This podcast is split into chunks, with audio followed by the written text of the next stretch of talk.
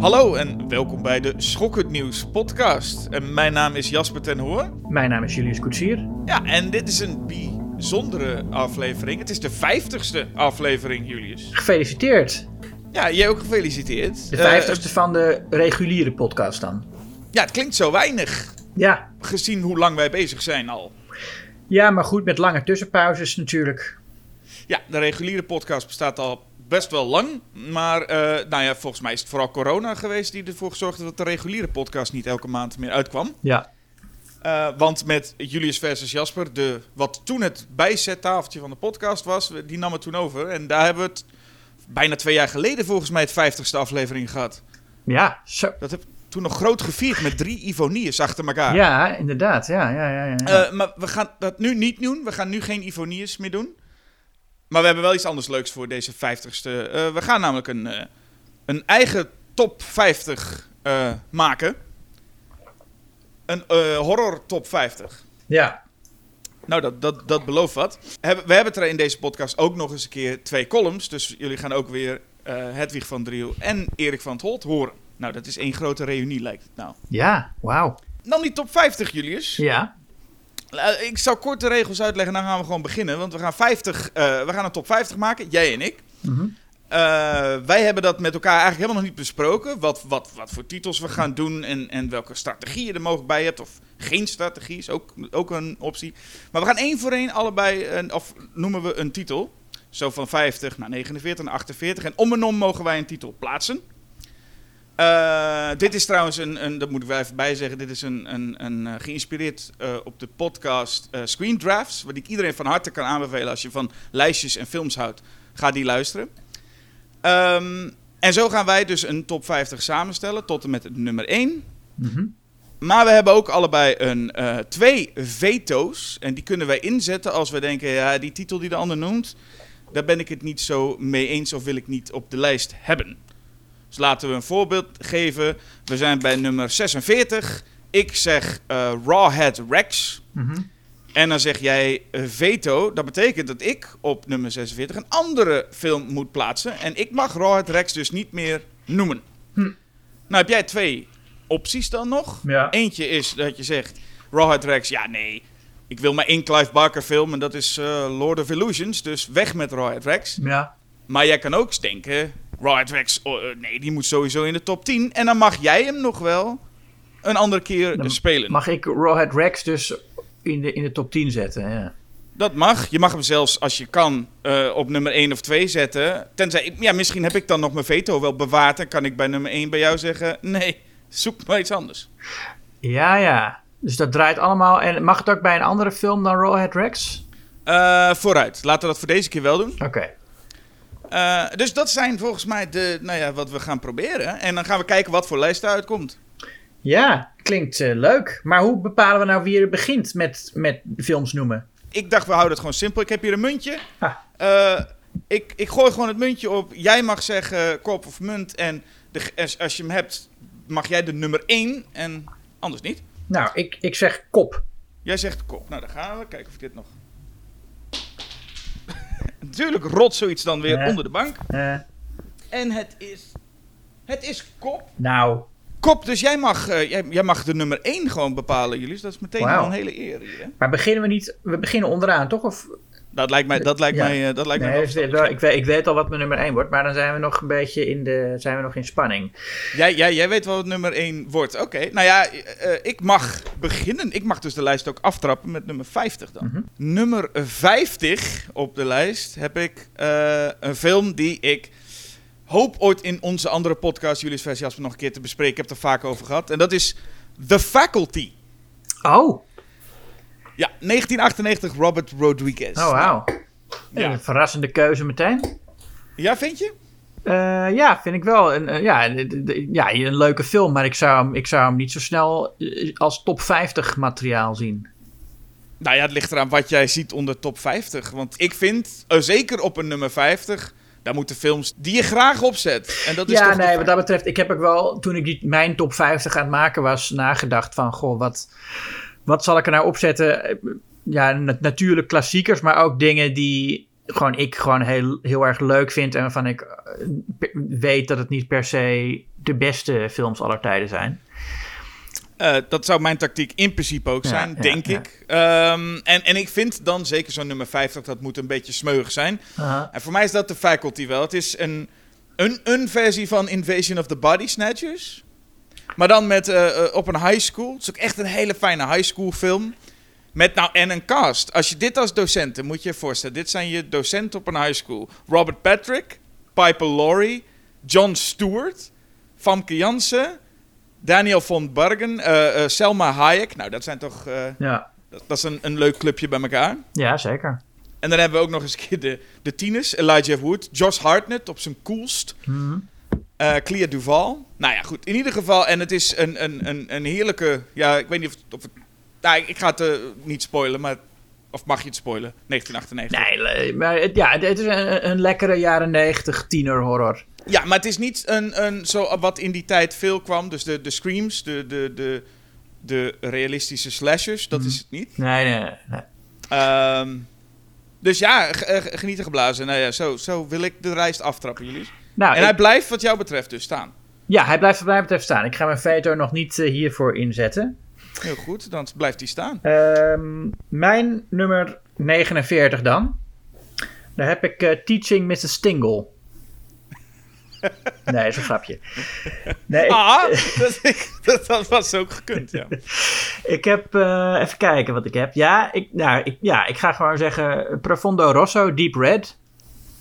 Op 49. Ik vond dat er ja, tenminste één Jallo in moet. En het is, het is altijd een beetje discussie over waar nou die overlap is met Jallo en horror. Want niet elke Jallo is een horrorfilm. En zeker niet elke Italiaanse horrorfilm is een Jallo. Maar Deep Red, Profondo Rosso is wel een perfecte combinatie van die twee. Het is ja, Dario Argento, het is nachtmerrieachtig, surrealistisch. Er zit een element in wat hij in heel veel films eh, heeft, Argento. Wat hij hier, denk ik, op, op, het, op zijn meest grotesk aanpakt, is het idee dat de held iets gezien heeft. Maar hij kan niet helemaal plaatsen wat het is. Hij heeft iets gezien wat, wat het mysterie op kan lossen, de moord. Maar hij is er niet zeker van wat het nou was. En in, in, in de Argento's films is het dan zo dat je je eigen herinneringen ook als een film terug kunt kijken. En dan details kunt opmerken die je eerder gemist hebt. Of die nog in je onbewuste opgeslagen lagen. Nou, dat soort dingen vind ik heel gaaf. Als, als een film gaat over ehm, hoe je geheugen omgaat met wat je gezien hebt. En of dat nou heel realistisch is, zoals eh, eh, het hier niet is. Dat, eh, dat- ik bedoel, ik vind het dan wel leuk dat het ook dat het een beetje belachelijk is, zoals in Deep Red. Ik, ik ga niet verklappen wat precies de twist is, maar het is wel, ik vind het een heel erg mooie. En ja, het is, ik, ik vind het zeker Argento's mooiste Jallo. Kijk, ja, ik, ik, wat zijn we, wat zijn we goed met spoilers ineens nu, zeg. Ja? Nou ja, dit, ja we gaan kijken als, als we de films helemaal bespreken, spoilen we natuurlijk. Maar in zo'n top 50 is dat niet de bedoeling, toch? Nee, het is te hopen dat er nog titels tussen zitten eh, die mensen niet gezien hebben en gaan kijken. Mhm. Eh, en ik heb er meteen al eentje, want ik loop heel erg achter wat betreft eh Giallo. Dus Deep Red heb ik nog niet gezien. Ja.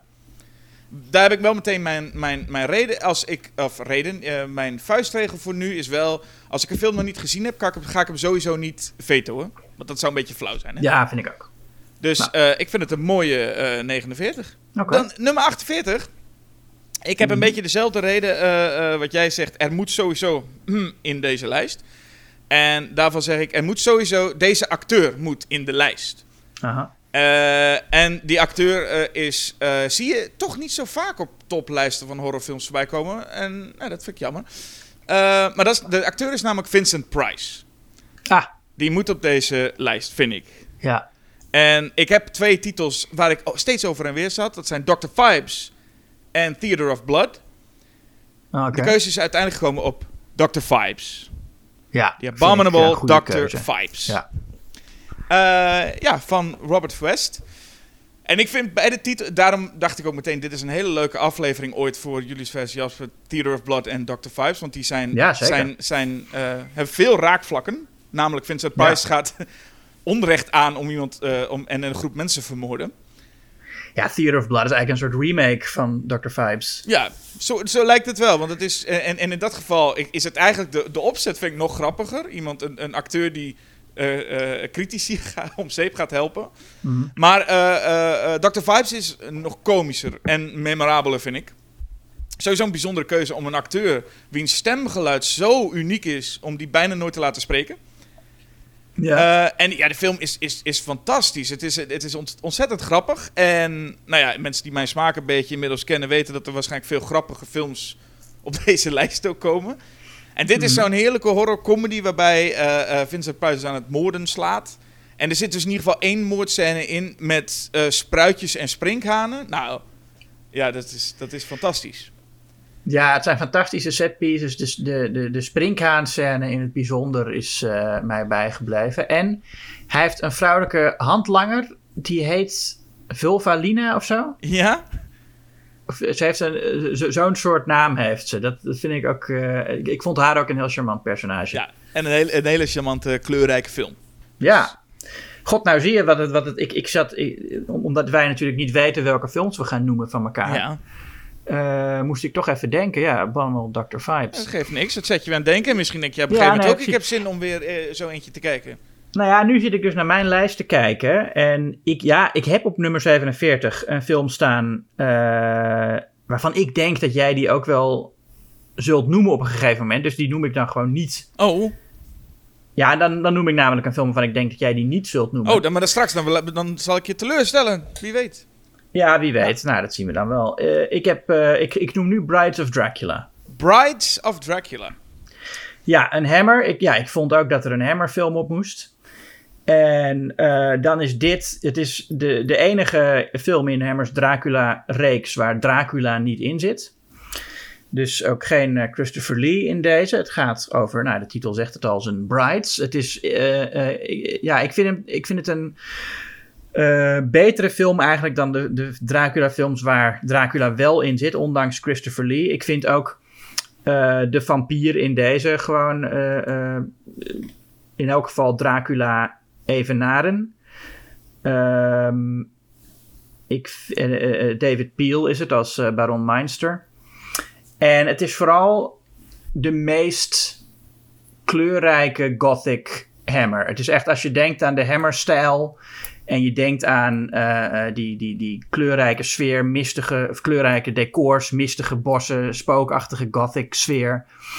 Eh, dan is dit echt, de, vind ik, de mooiste en rijkste in elk geval van hun vampierfilms. En Peter Cushing zit er wel in als, eh, als eh, Dr. Van Helsing. En dat is ook, ik vind dat de Dracula-reeks eigenlijk. Van Helsing is, vind ik daarin belangrijker dan Dracula. En Van Helsing zit ook niet in allemaal. Dus ik heb er eentje met, zonder Dracula, maar met Van Helsing. Dat is een goeie. En wederom sowieso geen veto, want ook deze nog niet gezien. Deze lijst wordt een inspiratie voor mij ook eh, binnenkort. eh. Eh, 46.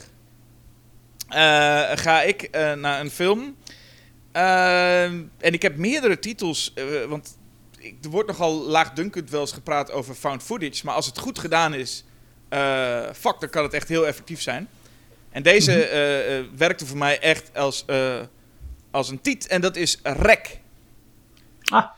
Eh, de Spaanse eh, uit 2007. En ik weet, toen ik deze film voor het eerst zag, was ik zelf op dat moment ook, liep ik stage bij de Stentor was het. En was ik dus ook camerajournalist. En ging dus ook de hele dag, was ik met een camera op pad en dingen aan het filmen. Dus toen ik deze film zag, was het voor mij heel, eh, ik kon me goed inleven, zeg maar. In gewoon een, een, een dame die bij een brandweer gaat filmen. En een vrij, nou ja, niet zeggende wou ik bijna zeggen, maar gewoon een, een, een reportage maakt en dan meegaat. Eh, en ik, ik vond het dat de, de, de found footage deel echt heel goed gedaan was daarin. Ik, ehm, je hebt vaak bij found footage dat je denkt, ja, waarom film je dit toch en waarom is dit? Maar ik zat er lekker in. En ja, als het dan eenmaal losgaat, dan is het, ja, kunnen we het zombies noemen? We kunnen het zombies noemen. In principe eh, wordt het echt een hele sterke zombiefilm. Tot en met ook het einde, waarbij je op een gegeven moment steeds hoger in het gebouw gaat en het ook steeds groter, gekker, mysteries, eh, eh, mysterieus wordt. En zeker de laatste tien minuten zijn, zijn, zijn, zijn doodeng. Maar, oké. En jij gaat ermee akkoord? Ik, ik ga ermee akkoord, ja, want ik heb Rek ook eh, niet gezien. Niet gezien. Nee, er is, om de een of andere reden is hij uh, erbij ingeschoten. Oké. Okay. Uh, nou, dan ga ik naar een film. Ik, ik denk dat jij deze niet op je lijst zult hebben staan. Uh, want je bent er niet zo enthousiast over als sommige andere mensen. Scream. Oh! oh. Ja, nou, ja, je, je, je, je, je wist dat uh, ik deze film zou gaan noemen. De film denk die je ik. wist Het dat is- zou komen. Ja, het is een nostalgische favoriet van me. Ja, dus natuurlijk, ik ben opgegroeid in de jaren... Nee, of nou ja, ik ben geboren in 1987. Dus toen deze film eh, op, op video te huur was, was dat echt een beetje mijn eh, tijd daarvoor. En eh, heerlijk van, van genoten. veel avonden op mijn slaapkamer met buurmeisjes en vriendjes Scream zitten kijken. Ik vind het nog altijd een ontzettend leuke, eh, spannende, geestige film. Ja, we hebben er een hele aflevering aan gewijd aan deze tegen Wes Craven's New Nightmare. Dus voor uitgebreidere meningen kunnen de mensen daar wel eh, naar luisteren. Ehm, maar ja, ik zag hem. Ik heb hem eh, toen de nieuwe uitkwam, natuurlijk ook weer herkeken in een, in een, in een marathon. Met eerst de, de eerste vier en dan uiteindelijk in de bioscoop de nieuwe. Dat was een, een erg leuke filmdag. Oei, ik, ik zit nu wel... eh, ik zit nu wel echt te denken. Wat moet ik doen? Ik, Ja. ik twijfel, Julius. Ik twijfel. Is jouw haat voor Scream zo sterk Nou, nou ja. dat je nu al je veto wil verspelen? Nou, ja, nu al, ik, weet- ik, ik, ik, ja. Nou ja, ik zit er wel over te twijfelen. Omdat jij begon zo met de faculty. En dan zeg je de faculty. Maar als ik, iets, als ik nu dan scream word, denk ik... Nou ja, ik... Nou goed, ja. Ik twijfel een beetje. Maar oké, ik, ga, ik, ik, ik laat hem staan. Oké. Ik laat hem staan. eh, niet van harte. Het, het is gewoon zo'n film die gaandeweg steeds... Ik steeds iets minder leuk aan het vinden ben. Hm. Dus misschien moet ik hem gewoon nooit meer kijken... nu ik hem nog oké vind. Nou, het is voor mij, het is deels de nostalgie, maar het is ook gewoon dat ik een heel sterk concept vind. En dat, dat het een horrorfilm is waarin de personages horrorfilms gezien hebben. En wat, da, wat, wat dat, dat wordt gebruikt om de spanning te verhogen. Hmm. Eh, dat vind ik er vooral goed aan. Dat het, niet, het is niet alleen maar een beetje ironisch, zelfbewust en, dat, dat, en, en, en daardoor een ironische afstand creëren. Het is juist, ze weten de regels, maar alsnog kunnen ze gepakt worden. Ja. Dat maakt het eh, spannender dan veel andere slashers. Oké. Nou ja, ik, eh, ik, ik, je hebt me al overtuigd hoor. Ik ga hem wel. eh, Ja. Ik laat hem staan. Eh, maar toch. nou, Oké, sure, sure. Ik laat hem staan. Weet je waarom ik hem ook laat staan? Nou, Jij wil natuurlijk dat er. je wil natuurlijk ook dat er een Wes Craven film in deze lijst staat, toch? ja, Dus dat is goed dat Scream er is. Dan komen we bij mijn 44. Ehm, en dat is een Wes Craven film. ah, ook eentje die we al eens een keer besproken hebben. En dat is The People Under the Stairs. Aha, kijk. Eh, ja, de, een, een zeer ondergewaardeerde Wes Craven, denk ik wel. Mhm. Eh, beter dan Scream. Maar hij staat, ook, hij staat ook, als hij blijft staan, iets hoger dan Scream. Dus dat is wel terecht. Ehm, ik vind het denk ik ook wel zijn beste film. Ja. het, is, het is echt een... een het, het is eindelijk iets waarbij de, de een beetje wat, wat absurde humor van Craven eindelijk eens een keer werkt. Want hij, ik bedoel, die mix van horror en humor heeft hij ook in... in, in, in ja, Last House on the Left probeert hij het ook. En dat, loopt, dat werkt allemaal niet zo lekker. En hij... Het, hij krijgt het allemaal net niet goed voor elkaar. Maar hier op een of andere manier heeft hij hem. Dit, dit, Ik vind het in, in Nightmare on Elm Street ook wel eh, werken. De, de surrealistische dingen die Freddy doet in de dromen. Ja, maar toch is het, zeg maar, de, de, de, qua humor... Is het, is het net aan... Wes Craven heeft een soort van humor die niet altijd even aanslaat. Het geldt zelfs als voor al die Mhm. booby traps die hij in zijn films heeft. Die zijn soms zo belachelijk. Eh, Ja. En soms werkt het, soms niet. En hier op een of andere manier heeft hij nu een film geschetst die gewoon dat, waar dat allemaal zo past. En dat, en dat, Ja. en dat geweldige stel, Everett McGill en Wendy Roby, uit, uit, eh, nou ja, ook uit Twin Peaks, die hier dat, dat stel spelen, die zijn zo ontzettend leuk. Ehm, en de film heeft gewoon iets te vertellen. En tegelijkertijd Mhm. is het ook gewoon dolkomische slapstick. En ik vind dat dus al knap dat je dat combineert. Ja, het is echt een, een compleet unieke film. Een combinatie van een, een, een maatschappijkritiek met slapstick, met eh, een soort horror dat je eigenlijk ook nog nooit gezien hebt. Ja. Ehm, ja, politieke satire en, en, en, en een soort sprookje ook. Ja. Eh, dan ga ik naar de meest recente film die ik op mijn lijst heb staan. Welke denk jij dat dat is? Eh, de meest recente film. Dan, ja, ik ga ervan uit dat je dit jaar sowieso niet doet. Want zo'n film moet wel even landen. Hè? Daar heb ik namelijk ook over Mhm. nagedacht.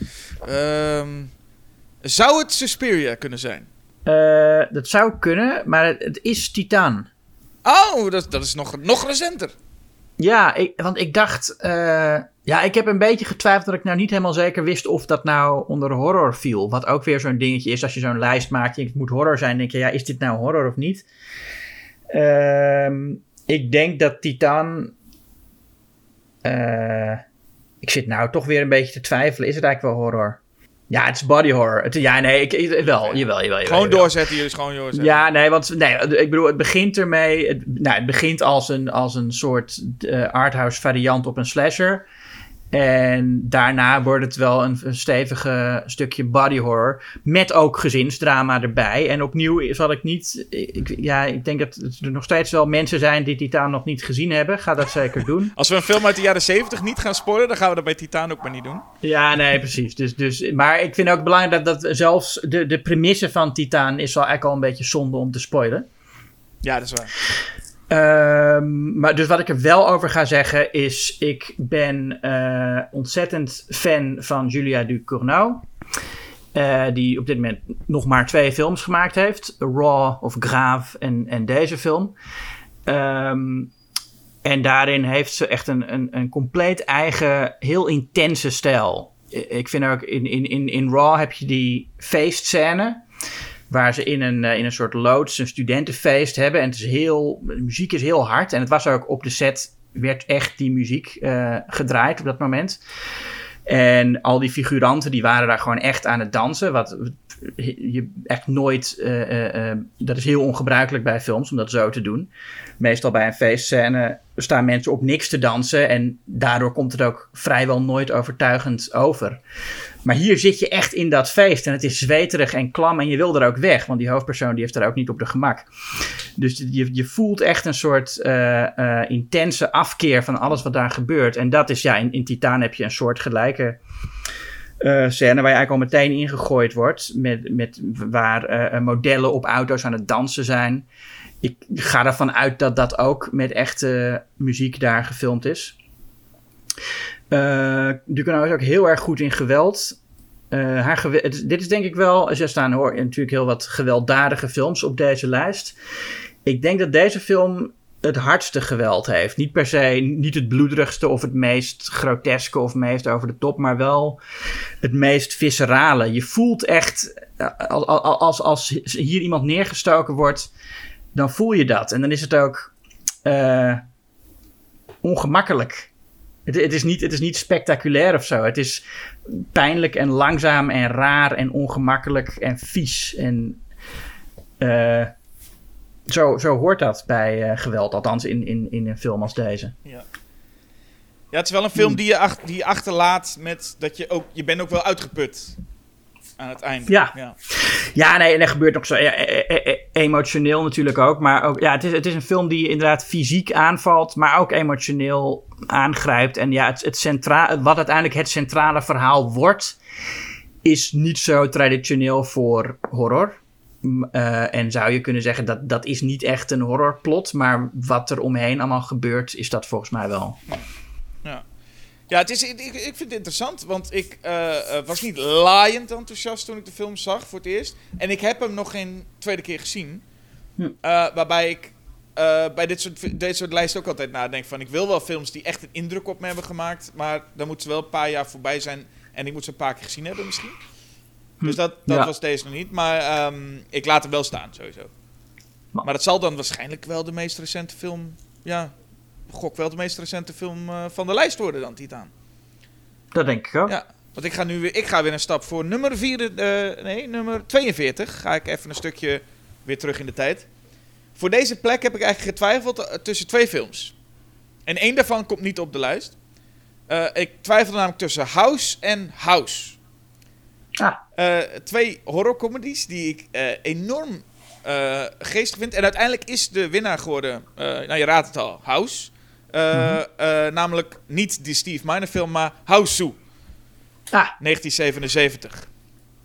Uh, een Japanse film waarbij, nou ja, ik, ik, er wordt wel eens vaak gezegd hè, van films met, nou, en toen gebeurde er dit. En toen, nou ja, kon er van alles nog gebeuren. En ik heb nog nooit een film gehad waarbij dat zodanig letterlijk was. Alles kon gebeuren. Echt de hele speelduur lang dacht ik, ja, in principe kan nu alles. En dat, dat gebeurde ook. Het is een, er zit een tekenfilmlogica in deze film die ik zo ontzettend leuk vond. Ehm, de film deed mij heel erg denken aan, aan eh, het, het, het fenomeen wat je jaren terug had, YouTube poop.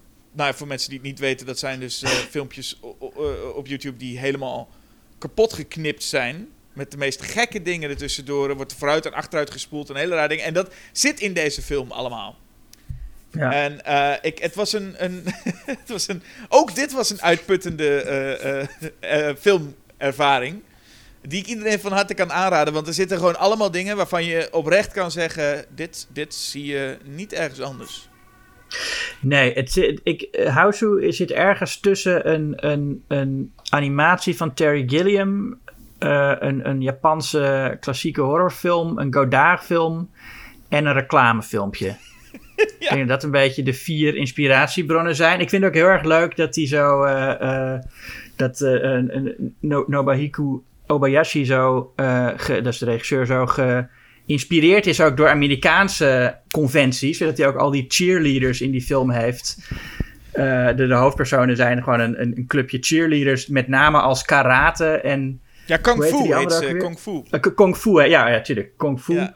En, en, en Gorgeous heet er eentje. En oh ja, Prof en, en Mac. En Mac is dan de, de, de dikke. Ja, die helemaal niet dik is trouwens, maar... Uh...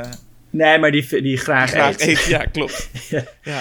Nee, en... Um, ja, nee, ik vind het een fantastische uh, film, wat je zegt. Um, ergens, het is een soort, een soort koortsdroom. Een, een, met een horror scenario waarvan je soms denkt dat het door een twaalfjarige geschreven is. Maar perfect uitgevoerd. Ik had hem een stuk hoger staan nog. Maar ik laat hem eh, staan waar, eh, waar jij hem hebt. Oh, je had hem nog hoger staan. Ja. Kijk, nou ja, dan... Uh, maar geen veto, dat kan hè? Hmm. Nee. nee, nee, nee. Ik ga, ik ga mijn veto nog niet uh, verspelen. We bewaren ze allemaal voor straks die top 10. Dat wordt één slachtveld. ja. Um, mijn nummer, welk nummer zijn we 41. 41. Nou, dan denk ik, Jasper, dat ik nu... Oh. De remake die jij net al uh, uh, aan zag komen gaan noemen, Suspiria. Suspiria. Oh, dat is, vind ik nog best laag, joh. Ja, ik kan hem ook wel hoger zetten. Nee, nee, nee, nee. jij moet doen wat je wil. Maar ik, voor, voor jou doen, ik dacht echt dat deze film top 10 voor jou zou zijn. Nou ja, nee, ja ik weet het niet, Jasper. Ik, ja, ik, ik denk ook een beetje van wat uh, van, van goede horrorfilms is dit nou waar ik. Het is niet zozeer een film waar ik snel aan denk als ik denk ik heb zin om een horrorfilm te kijken. En dat is ook nog eens iets. Dat is ook nog eens iets, ja, dat is waar. Oké, nou ja. Uh, maar ik hou wel erg van die film. Ik heb ook wel echt overwogen hem veel hoger te zetten. Hij moest sowieso in de lijst voor mij.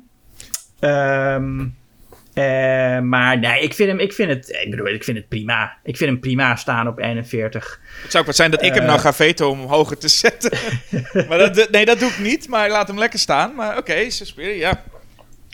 Ja, ik vind het een prachtige film. Ja, ik, ik heb er al heel uitgebreid over gepraat in onze Suspiria versus Suspiria aflevering. Um, dit is echt een film waar ik graag in blijf hangen. Uh, ik hou sowieso van films die heel duidelijk maken welk seizoen het is. Uh, dat uh, roept al meteen een, een, heerlijke sfeer op waar ik dan heel lang in, in ga zitten en blijf kijken. En daarnaast vind ik dat Suspiria, het is echt een lekkere hangout movie voor mij. Die ook ergens over gaat. Ik, het gaat over, over de invloed die kunst heeft. wat je kunt doen met kunst. Wat het, wat het, wat het belang is. Um, en het is een film die uh, ook op momenten als horrorfilm heel goed werkt. Ik, ik moet zeggen, ik, eh, de, de finale, um, daarom heb ik ook wat lager staan. Als het in die finale heel grotesk wordt en echt de, de horror-effecten komen, zeg maar, dan stelt hij me een beetje teleur. Mm. Uh, dus daarom heb ik hem niet zo hoog als je misschien zou verwachten. Maar ik bedoel, er zit natuurlijk wel een van de allerbeste horrorscènes van deze eeuw in met de, de bottenbreekdans. Oh ja, Jesus.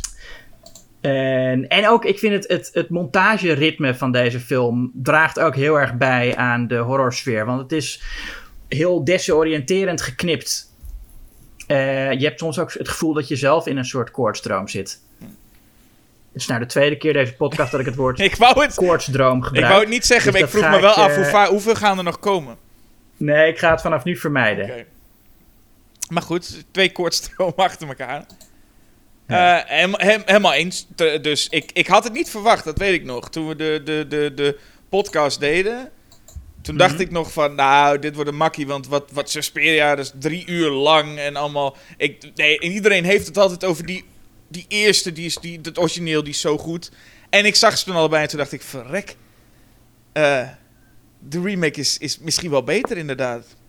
Dus ik was uh, aangenaam verrast door die, uh, door die film. Ja. Wat nog niet betekent dat de originele Suspiria niet nog kan komen op de lijst. Dat weten we natuurlijk niet. Ja. Um, ik denk het alleen niet. maar goed. nee, ik, heel goed. dan ga ik door naar nummer 40. Dan hebben we de eerste team erop zitten. Uh, En nummer 40, ik zei het net al over, als, als found footage goed gedaan wordt, dan kan het heel erg effectief zijn. En dat is voor nummer 40 ook zo. Een film die waar veel mensen het nog wel over hebben, maar mensen vergeten volgens mij hoe goed die film ook is. En dat is The Blair Witch Project. Ah, ja. Uh, dat heb ik, het idee heb ik namelijk echt dat iedereen heeft het er wel over. In, in mijn, op mijn middelbare schooltijd, iedereen had het erover. Het was echt het ding. Ja. Uh, uh, The Blair Witch Project. En het is ook gewoon, als je kijkt naar marketingtechnisch en zo, is een mega interessante film. Mhm. Maar, en hoe het ook allemaal gemaakt Maar ik, wat, wat het idee wat ik gewoon inderdaad heb, is dat mensen vergeten dat het echt wel ook een goede film is. Dat het echt goed in elkaar zit. Het lijkt, en dat is het, het knappe, het lijkt, ja, dit doe je toch even. Dit kan iedereen. Ja. Zo ziet het eruit. Dit is gewoon even snel in elkaar gezet. Alleen dat is het absoluut niet. Het zit, voor, wat mij betreft, volgens mij echt heel erg sterk in elkaar. Ja, en wat, het, wat ik zo mooi vind, is uh, in heel veel hieropvolgende found footage films zie je dat mensen voortdurend bezig zijn manieren te vinden om de beperkingen van het medium te ontwijken. Uh, dat ze toch uh, natuurlijk, of dat ze toch, ik bedoel, onnatuurlijk licht willen gebruiken om een scène mooi te belichten of zo. Ja. En in Blair Witch Project worden de beperkingen van het feit dat je met zo'n klein videorecordertje filmt, ingezet om een heel unieke esthetiek te creëren die super eng is. Als je een, een shot maakt van het bos met zo'n met zo'n uh, klein cameraatje, dan krijg je een soort heel uh, uh, helder verlicht wit, witte bomen waar heel hard licht op schijnt en daarachter gewoon zwart. Ja. En dat is zo'n heel eng beeld dat je nooit in een normaal gefilmde horrorfilm zult zien. Want daar willen ze alles ja, een beetje mooi uitlichten en een beetje zoals, zoals je het ook echt zou zien als je er was. Uh, dus dat, is, dat vind ik echt prachtig aan Blair Witch Project. Ja. ja. En inderdaad, op een gegeven moment is er gewoon een heel lang stuk gewoon zwart, omdat ze in een tent in het donker uh, liggen. En het enige wat je af en toe hoort is echt een takje dat, dat, dat nou ja, uh, breekt buiten. Hmm. En omdat ze dus alleen zijn in het midden van het bos, is de gewoon de gedachte van een takje dat breekt doodeng. En zit jij dus in, in, in, nou ja, je moet even de goede setting creëren, maar zit je lekker s'avonds thuis in het donker die film te kijken, daar zit je naar een zwart scherm te kijken, er breekt een takje en jij denkt, potverdorie, ik kom stront tekort. Dat is zo knap. Hmm. Um, Dus ja, dat, nee, de, uh, om nogmaals mensen te herinneren, het is niet alleen maar de gimmick en dat die film heel veel gedaan heeft, bla bla. Het is ook gewoon echt een ontzettend goede film. Ja, met ook een heel goede cast, moet ik er nog bij zeggen. Uh, Heather Donahue is, uh, is heel erg goed in die film. Hmm. Um, mijn nummer, we zijn, waar zijn we? We zijn bij 39. 39. Nou ja, uh, nou ja ik, ik ga het dan meteen maar doen. Ik zet hier de originele Suspiria neer. Oh jeetje, uh, echt? Ja, ik wil ze toch een beetje dicht bij elkaar houden. Oh jeetje. Ik, ik heb wel eens gezegd dat ik de remake beter vind. En misschien is dat ook wel zo. Maar ik moet, ik, toen ik die originele zag, de 4K-restauratie in de bioscoop was dat ook wel echt een overweldigende ervaring. Het is ook echt zo'n film die je meesleept. Prachtige Technicolor uh, beelden. Het zijn de, de, de, de laatste, of niet de laatste, maar heel. Technicolor was natuurlijk al heel lang niet meer in gebruik. En Argento heeft nog ergens vandaan wat Technicolor film laten komen. Volgens mij, nou ja, maakt niet uit of het nou echt de laatste waren die hij kon krijgen of niet. Um, maar ja, nee, het is ja, qua, qua uh, visueel en audio die samenwerken om een schitterende nachtmerrie te creëren, is uh, de originele Suspiria wat mij betreft onovertroffen. Het is echt een soort abstract kunstwerk waar je in terecht komt met die schitterende, opzwepende soundtrack van Goblin. Uh, die mooie kleurenpaletten van Argento. Nou ja, je zou bij... dat is eigenlijk allemaal al wel gezegd. Dus ja. Je zou het bijna een kortstroom noemen. ja. Oké, dus jij, jij bedoelt nu te zeggen dat we bijna nu een aflevering zouden kunnen maken van Suspiria tegen Suspiria en dat ik het voor de remake opneem. Wow. Ja, dat, dat zou nog kunnen. Wat een twist. Nou, ja, nee, maar ik denk dat de remake mij toch dierbaarder is uiteindelijk. Wat ik zelf niet had verwacht.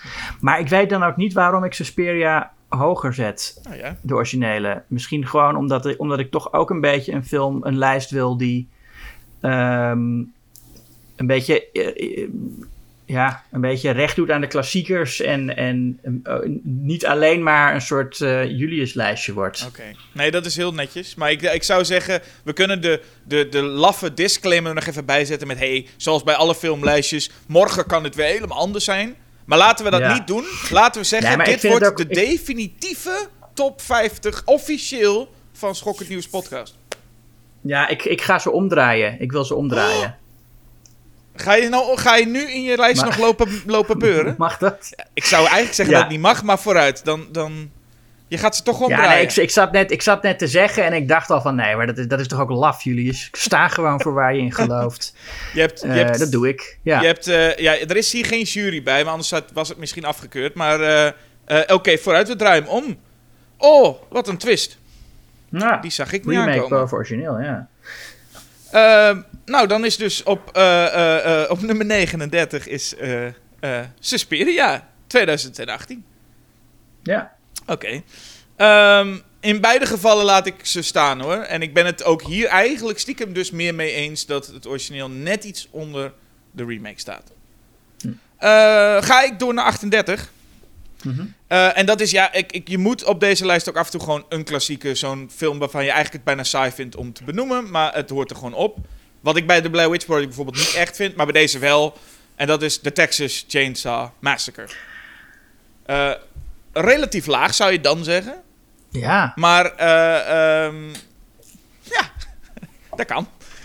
Ik zit heel erg te denken of ik mijn veto ga verspelen om hem uh, hoger te krijgen. Nou, dat, dat, dat zou je best mogen dat, doen hoor. Maar nee, het is, het is namelijk een film die ik heel erg goed vind hoor. Het is echt een, een film die in, in zijn sfeer uh, onovertroffen blijft. Die sfeer, die, die, die hitte die er vanaf van het scherm altijd afgaat, dat camerawerk is zo fantastisch. Hmm. Um, ik blijf er een beetje bij dat het een film is die ik ja, wat zou ik zeggen? Ik moet nu eigenlijk gaan verklaren waarom nu 38 staat en niet hoger. Maar in principe is het een, echt een hele goede film. Het is niet een film die ik heel vaak opzet. Ik ben altijd wel blij als hij klaar is. Uh, en dat komt ook mede... Kijk, dat geschreeuw van zo'n Franklin, een beetje een irritant joch... Dat, dat, dat is ook, zorgt er ook wel voor dat je zegt... Nou, één keer in het jaar vind ik deze film kijken wel meer dan voldoende. Dus nee, ik vind dit een, een mooie plek. En ik weet, er komen nog titels die ik ga noemen... die heel raar zijn dat ze boven de Texas Chainsaw Massacre staan. Maar ja, hey, zijn, zijn mijn regels. Uh, mijn deel van de lijst. Dus zeg maar wat je Ja. doet. Ja, nee, ik, ik wil Texas Chainsaw hoger hebben. Jij gaat je veto gebruiken. Ja, ik ga mijn eerste veto hier eh, gebruiken. Ja, ja, Oh. ja, ik vind dat een film die eh, nog steeds in intensiteit ongeëvenaard is. Oké. Nou, dat, dan, Ja. dan, gaat hij, dan gaat hij van de lijst. Zeker als je hem... eh, ik, heb hem nou, ik heb hem geloof ik drie keer in de bioscoop gezien. Ja. En dat is echt een ervaring die je iedereen gunt. Ja, misschien dat heb ik nog niet meegemaakt. Dus, eh, maar het klinkt nou, nu lijkt het alsof ik moet verdedigen. Maar ik vind het een hartstikke goede Nee, film. nee, nee. Ehm, Een- een- een- het is gewoon echt een, een louterende ervaring. Ik heb wel getwijfeld, want ja, die, die, die podcast hebben we ook gemaakt. Ik heb getwijfeld tussen deel 1 of deel 2. Eh, maar het is uiteindelijk wel deel 1 geworden. Ik vond twee. Ja. Texas Chainsaws in de lijst een beetje, beetje veel van het goede. Ja. Eh, dan ga ik voor een, een andere. Ja. Want ik moet een andere kiezen op, op 38. Dan kies ik voor een film die ik... eh, nou, een soortgelijke film. Een film die niet had bestaan als Texas Chainsaw Massacre niet was geweest. Eh, en een film die mij verraste. En dat is eh, een film van Rob Zombie. The Devil's Oh. Rejects. Wauw. Oké. Komt daar nog een veto achteraan? Of, Nee, valt nee, mee? nee, nee, nee. Dat, ik, ik, ik had hem zelf niet op de lijst, maar ik, ik begrijp de keuze. Nee, ja. ik vind het sowieso omdat ik een, een, een enorme pluspunt vind, is dat iemand een zo'n goed vervolg ook kan maken. Ik bedoel, House of a Thousand Corpses is een erg aangename film. En een film die eigenlijk vooral echt de Texas Chainsaw Massacre nadoet, alleen dan nog gekker. Uh, En deze film, ja, ik weet niet wat, wat Rob Zombie hier... Op een of andere manier werkt alles. En ik heb latere films, zeker ook de derde film in deze trilogie die het nu is, A Three From Hell... Mm. En hij lijkt het niet echt meer helemaal. Uh, uh, hij lijkt een beetje een trucje te doen. Hij lijkt een beetje het, het, kwijt te zijn voor mijn gevoel. Nou ja, de, de Halloween 2 discussie laat ik even voor wat het is. Mhm. Maar hier is het nog op een of andere manier. Rob Zombie doet hier echt gewoon alles goed. En wat ik vooral interessant vind is: je hebt drie um, hele memorabele schurkenrollen. Ook heel, heel goed gespeeld door, door nou ja, zijn, zijn vrouw, die uh, Sherry Moon Zombie. Maar ook Bill Mosley en, en Sid Haig. En tegelijk... Zijn het schurken? Nou, het zijn, het, het, het, zijn een soort... Het zijn geen sympathieke mensen in elk geval. Oh, nou, zover wou ik inderdaad ook gaan. Um, het zijn wel een beetje de schurken... Nou, het zijn eigenlijk de schurken van de vorige film. En die zitten nu in deze film. En, maar het feit dat er dus nu iemand op ze jaagt die misschien nog wel geschifter is... Hm, vind ik heel interessant. En dat levert ook een heel interessant aspect op. Waarbij je af en toe... Het zijn echt walgelijke mensen, deze soort van moordenaar verkrachters.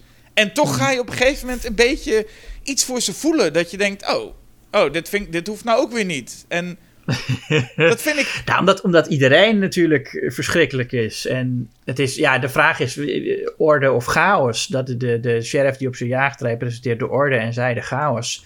En in de wereld van zombie wint de chaos. En ik vind de keuzes die hij daarin maakt, stilistisch gezien ook. En, en, en met zijn soundtrack. Ik bedoel, een hele lange eind, eindsequentie met, met Free Bird die dan speelt. Ja, ik, het is wel uh, ik hou er wel van.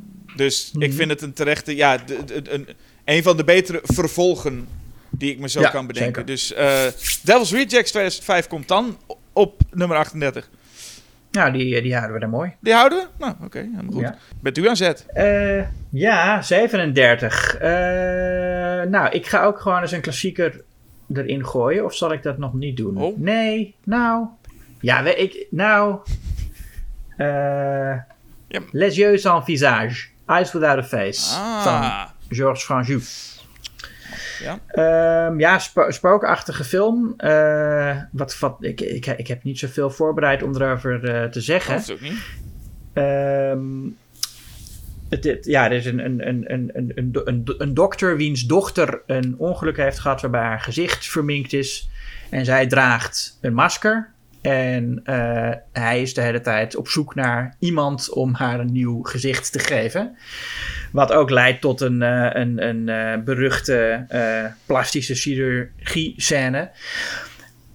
waarin ze in 1960 echt laten zien hoe een gezicht eraf getild wordt. Wat, ja, niet, die trucage is niet helemaal overtuigend, maar het is wel schokkend dat de film überhaupt zo ver gaat. En dat ook zo lang blijft volhouden. Ehm, de, je, verwacht eigenlijk dat, dat ze weg gaan knippen. En dan houdt het shot nog veel langer aan dan je zou denken. Ehm, dat is sowieso een, een, ja, een, een, een goede, vroege, gruwelijke scène. Maar verder ook, ja, die, die hele sfeer van die film. Ehm, ik, ik, ik, ik, ja, ik sta op het punt om meer droomachtig te zeggen, Jasper. Je moet me soms een beetje tegenhouden. Maar ja, dat is nou eenmaal... Ik hou van droomachtige films en dit is er een. Ja, wat, wat zijn er andere woorden die je daarvoor kunt gebruiken? Film is een droom, godverdomme zeg. um, ja, ja, Le Jeu en Visage. Ja, nee, ik, ik, ik had hem bijna op de lijst, van mijn lijst gezet. Dus ik ben heel blij dat hij hier staat. Uh, destijds gezien met. Ja, was, waarschijnlijk zat, ik, zat, zat je toen ook in de zaal. Dat was, ja, ja, ja, klopt. Uh, om, omdat het een van de lievelingsfilms is van onze voormalige schoknieuws hoofdredacteur Barend de Voogd. Ja. En ik had hem nooit gezien en ik zag hem toen en ik dacht, ja, dit is. Ik vond het heel bijzonder inderdaad, vooral uit die tijd, dat ik dacht, dit is een soort. het, het deed me heel erg aan Hellraiser denken. Of Hellbound is specifiek dan. en dat, ik, ik had inderdaad niet verwacht dat het zo ver zou gaan. Ik kan me ook nog herinneren in ieder geval dat, dat, dat kermismuziekje dat de hele tijd herhaalt. Ja. Dat, daar moest ik, daar moet ik ook op een of andere steeds aan denken als ik aan die film denk. Maar nee, uh, uh, 100% dit blijft staan. Een, uh, een mooie keuze. En een aanrader, zeker. Dat moeten we ook verplicht naar elke film zeggen. Hè? Moeten we naar elke film moeten zeggen. Het is een aanrader. Ja. ja. um, oh, nummer 36 ben ik nu. Ook een aanrader trouwens. Redelijk recent. Ik heb toch ervoor gekozen. Get Out. Ah. Ja. Ja. Um, we hebben nu de derde, dit jaar de derde Jordan Peele gehad. En we hebben het ook al kort in een van de podcasts, ik weet niet meer welke, waarschijnlijk de vorige, besproken hoe, uh, nou ja, drie goede films, vind ik in ieder geval, uh, drie goede films zijn gemaakt. Maar die eerste, wat een debuut, is Get Out ook. Het is een, Ja. een, een film die, en dat ga ik heel vaak zeggen. Jij zegt dus heel vaak het uh, koortsdroom. Ik ga heel vaak volgens mij eh, balans zeggen, of in ieder geval een, een... Want ik heb dus een hele grote voorliefde voor films die zo ontzettend goed die genres mixen. En ik vind dat... Ik, ik heb een hele lange discussie met mensen gehad over... Is Get Out überhaupt een horror comedy? Want het is een hele komische film. Ja. Maar mensen zien het niet echt graag als een horror comedy. Dan denk, je, dan denk je toch aan iets anders. Maar Nou, dat is ook omdat hij bij de Golden Globes genomineerd was voor beste comedy, wat de Golden Globes toen heel erg kwalijk werd genomen. Terwijl het volgens mij de studio was die hem voor die categorie instuurde, omdat ze dachten dat hij daar meer kans zou maken om te winnen. Ja. Wat vaak is hoe het gaat. Ja. Ehm, en ik snap, ik snap het ook wel. Bij, ja, bij een horror comedy denk je meer aan dat de eigenlijke horror ook grappig is in hoe grotesk het is. En hier is het meer dat er, eh, er zitten zeker komische scènes in. Met name van eh, eh, eh, eh, eh, zijn vriend eh, eh, eh, Lil Rel, eh, hoe heet hij? Ja, de, do- de, de douane toch? En, en, en, en met die ouders natuurlijk ook gewoon de, ja, de, de, de ongemakkelijke sfeer met die ouders. En die goedbedoelende, denk je dan nog, eh, witte vader. Die, die dan eh, on- ongepaste opmerkingen maakt. Dat is allemaal gewoon grappig, gewoon satire. Ja. Maar de eigenlijke... Als het echt een full-on horrorfilm wordt, is het, is het niet grappig. Nou ja, er zit dus wel een- maar dat, dat is bij de meeste horrorfilms eigenlijk te zeggen. Voor de meeste horrorfilms is volgens mij ook het argument te maken dat het horrorcomedies zijn. Maar er zit iets... Er zit iets heel heerlijk absurds in. Ook dat einde. En ik denk dat dat ook... Het, dat kan best komisch werken. Ik bedoel, we hebben toen ook een discussie gehad met de Texas Chainsaw Massacre... dat Toby Hooper dat een comedy vond. En ga je eenmaal mee in die, in die absurditeit waar mensen in zitten... dan blijft het volgens mij op een of andere manier ook komisch. En het is de opzet die ontzettend geestig is. En, maar het is inderdaad, ik zou ook nooit echt keihard zeggen... het is een horror-comedy, punt.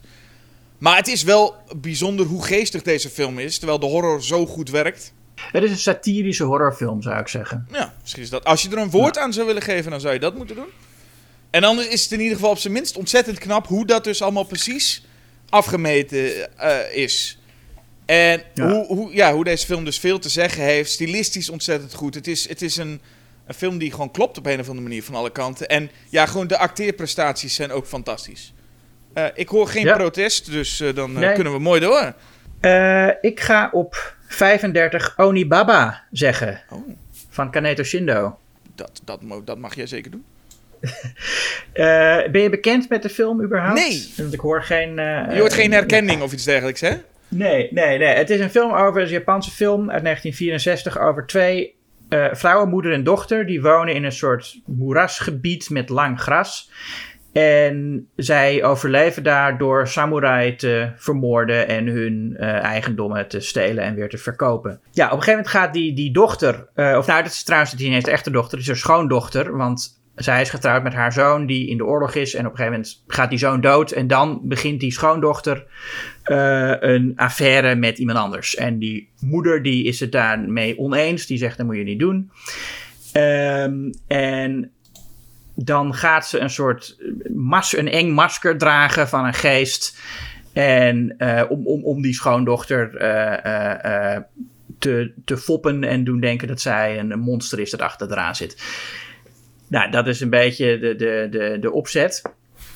Het is een film over eigenlijk twee mensen, twee vrouwen die leven als, eh, als, als, als dieren. Die gewoon echt de meest eenvoudige manier hebben van wij, wij jagen op mensen en we stelen hun spullen en die verkopen we en zo overleven we. En dat is eigenlijk alles wat ze doen. Gewoon heel simpel. En dan op een gegeven moment komen er dus een soort moreel complexe eh, elementen in hun leven. Als die zoon doodgaat en zij die affaire begint. En dan moeten ze, ja, dan, dan, dan komt er opeens een moreel oordeel bij kijken. En dat verstoort hun hele wereld. Het wordt opeens, wordt die, die, die simpliciteit wordt een, een complexe chaos. En daar wordt dan op gereageerd door een monster te creëren.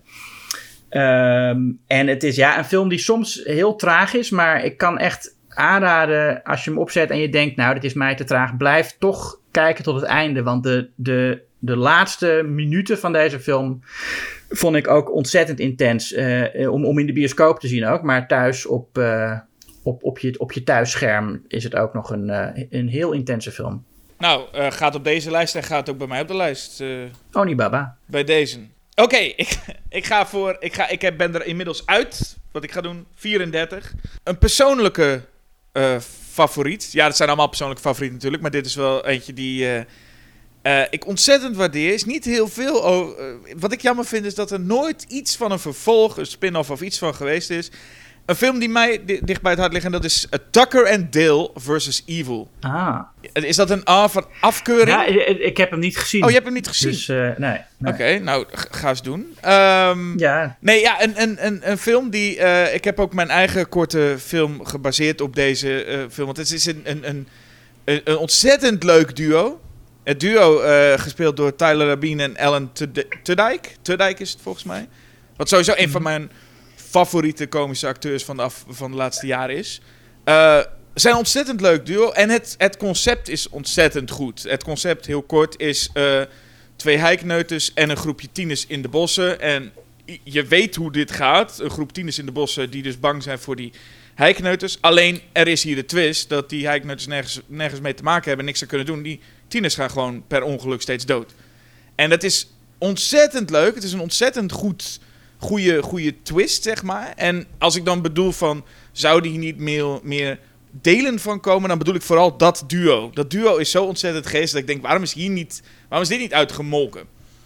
En, Hm. en, en, en flikker je eh, eh, Tucker en Dale in, in, een, in, een, in een haunted house movie en weet ik veel wat allemaal. Dit is namelijk iets dat, het is bijna parodie, zou je kunnen zeggen. Maar wel parodie die de horror ook wel, het is wel echt horror ook. Dus nee, het is geen scary movie.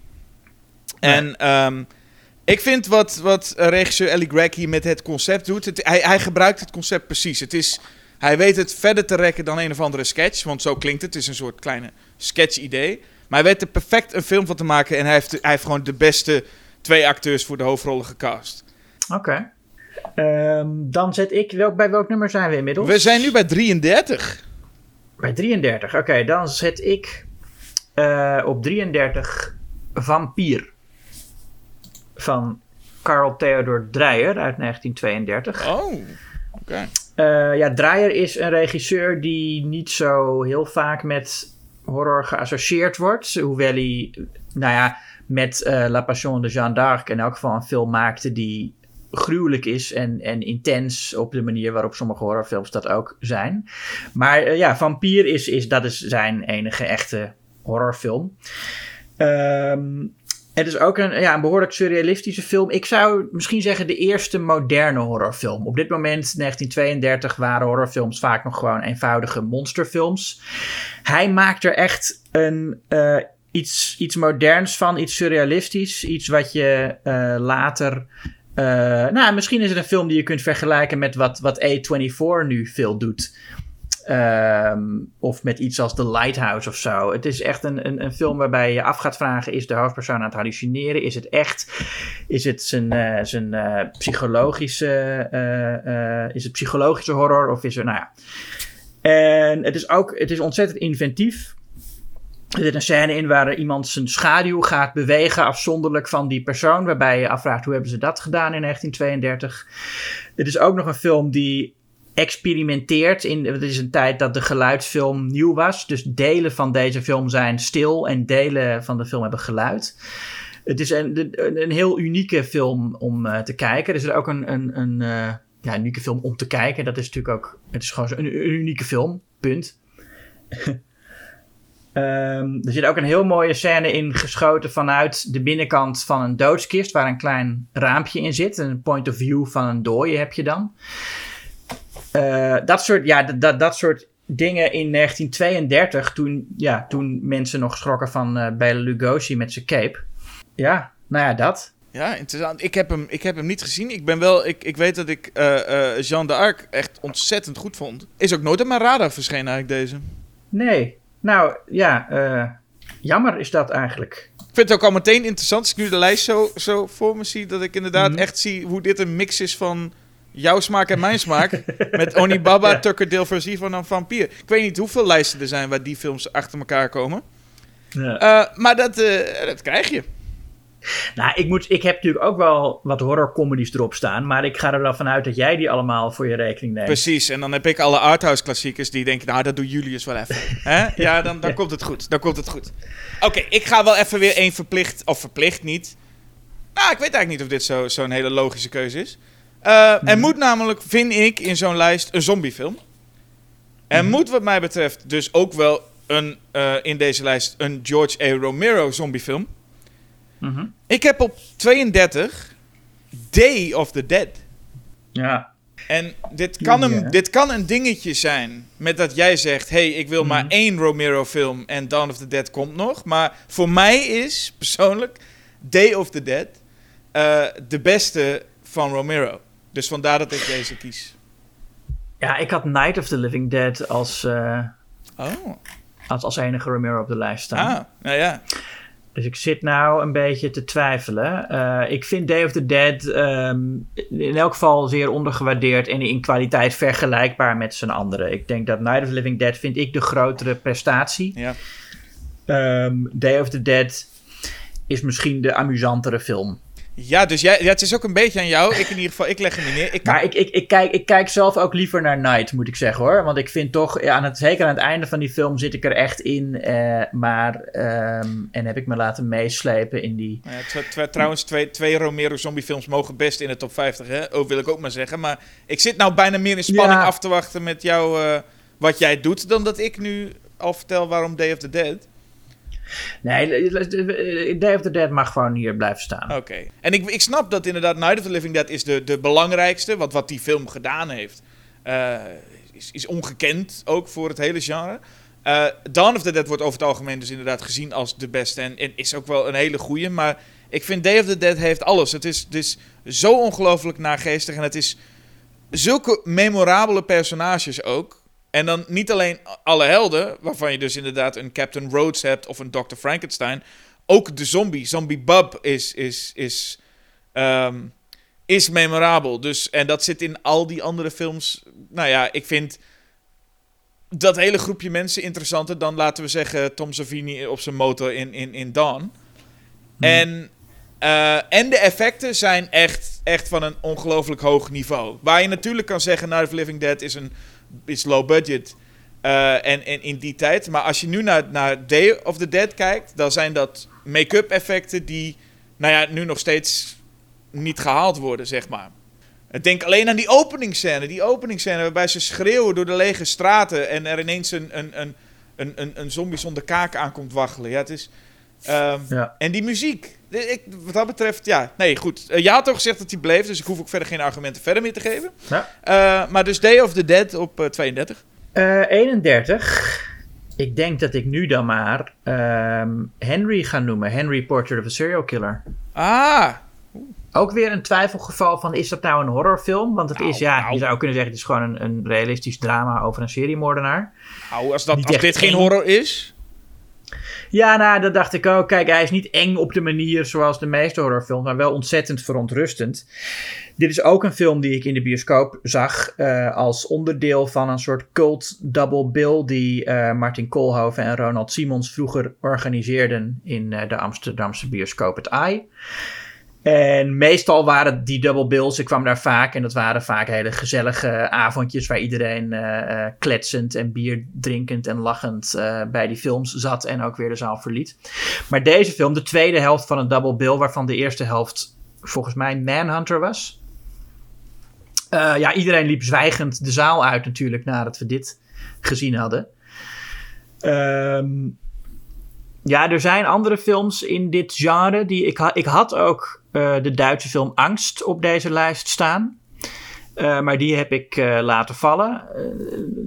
maar ja, Henry vind ik toch de, de sterkere film. Ik denk ook omdat hij net wat realistischer aandoet. Ook door de, de humor die er een beetje in zit. De soort deprimerende, bijna Jiske-vetachtige humor van Henry, de seriemoordenaar, en zijn kamergenoot Otis. Die dan samen zo ja, in, in, in dat gore huis zitten en tv kijken en bier drinken. En ja, moorden plegen zonder enige reden. Ehm, Henry is, wordt fantastisch gespeeld door, uh, door uh, Michael Rooker natuurlijk. Uh, Tom Towles is geweldig als Otis. En wie vaak ondergesneeuwd raakt is natuurlijk Tracy Arnold als Becky. De aandoenlijke, naïeve vrouw die, ja, met wie je echt zo erg meevoelt in deze film. Um, ja, het is echt een van de naaste films die je ken. Het is, ik, zie, je ziet wel eens van die lijstjes met naaste films aller tijden... waarin deze vrij laag staat en mensen uh, uh, um, een film als necromantiek hoger zetten dan deze film. Dat snap ik niet zo goed.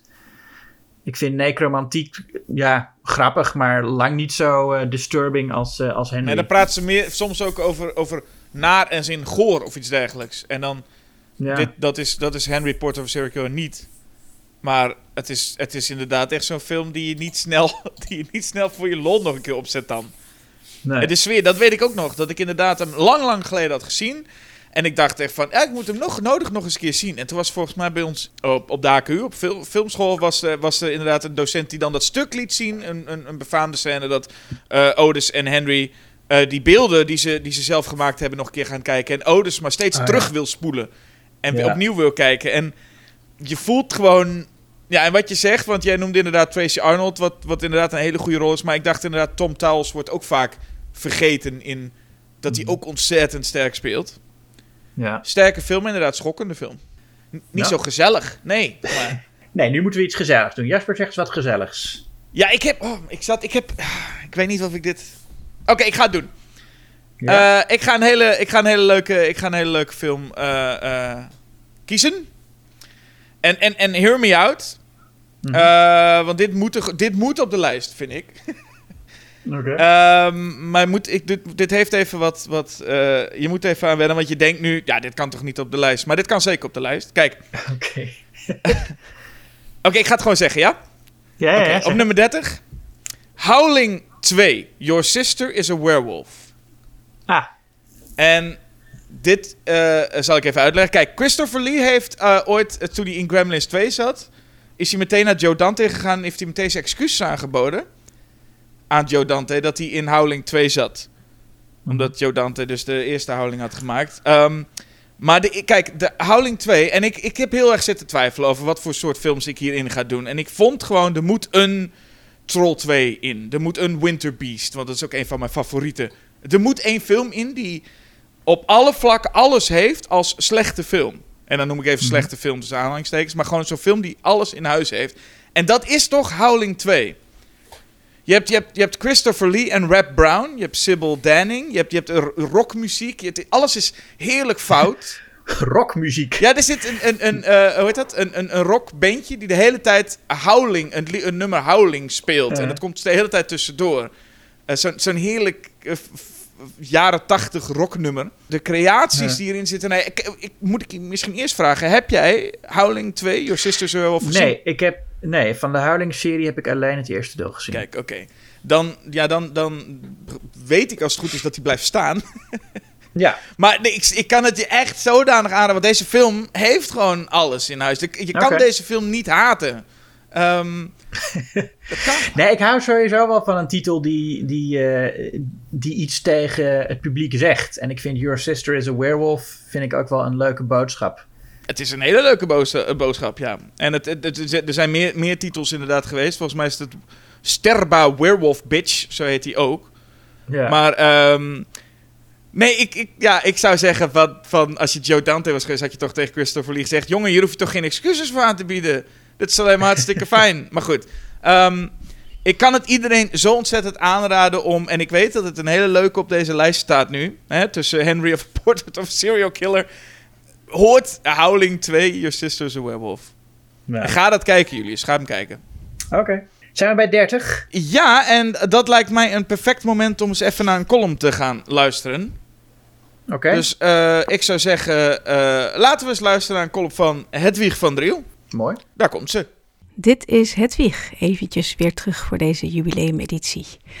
Allereerst wil ik hier natuurlijk uh, Julius en Jasper feliciteren, want zij zijn toch wel echt de drijvende kracht achter de podcast de laatste tijd. En nou ja, zo'n jubileum ga je terugkijken.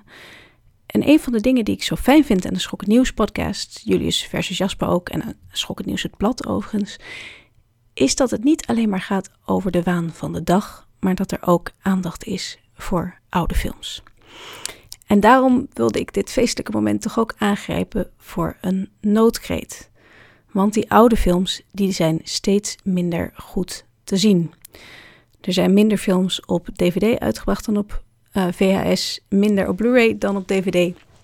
En als het gaat om oude films en om filmgeschiedenis, dan moet je echt niet rekenen op de streamers. Ik uh, heb daarom een stukje serverjournalistiek gedaan. Ik ben eens even gaan kijken wat er op een aantal van de uh, grote streamingdiensten wel te vinden is voor de mensen die iets meer willen leren over films van uh, voor de 21ste eeuw. Laten we beginnen met grote Netflix. Netflix is een beetje raar. Want je, ze hebben meer dan je denkt. En dat kun je vinden door bijvoorbeeld of op 1940s, 1950s enzovoort te zoeken. Maar het is een ratje toe. Je kan heel duidelijk zien dat het gewoon gebaseerd is op wat ze voor een habbekrats konden kijken. Je kan niet zoeken op regisseur. De regisseur staat er vaak niet eens bij. In één geval dat ik heb gevonden staat niet eens de titel van de film erbij. Dan was het ook een vrij matige slapstickfilm, maar toch. Ehm, dus het kan moeilijk zijn om dan de leuke um, eruit te vissen. Ik heb er een paar gevonden. Uh, The Fallen Idol van Carol Reed uit 1948 staat er. Er staat een vroege Paul en Pressburger film. Ehm, die heet meestal The Small Back Room. Die is op Netflix alleen te vinden als Hour of Glory uit 1949. Ik heb hem laatst gekeken. Het is een, rare thriller eigenlijk over een bom-expert. Maar ja, wel echt de moeite waard om te zien voor mensen die uh, het werk van Paul en Pressburger interessant vinden. Uh, de antologie Dead of Night uit 1945 staat erop. Uh, Le Corbeau van Henri-Georges Clouzot uit 1943, wat echt een, een hele leuke film is over een uh, dorpje waar iedereen paranoïde wordt als er allemaal anonieme brieven worden bezorgd. En dan staan er ook nog tussen al die meuk natuurlijk wel wat titels die mij in ieder geval wel benieuwd maakten, zoals They Came From Beyond Space. En uh, ze hebben geen Doctor Who, maar wel Daleks Invasion Earth 2150 AD. Jewel of the Titan staat erop. En nou ja, bij streamers wisselt het natuurlijk ook steeds. Dus ik zou gewoon aanraden om, als je Netflix hebt, eens in zoveel tijd zoeken op uh, jaartallen. Want uh, nogmaals, op regisseur hoef je het niet te proberen. En dan staan er wel nog een paar iets minder oude klassiekers op, zoals Jaws, Christine, Back to the Future. Dus het een en ander is wel te vinden. Dan door naar een van de nieuwkomers, Disney.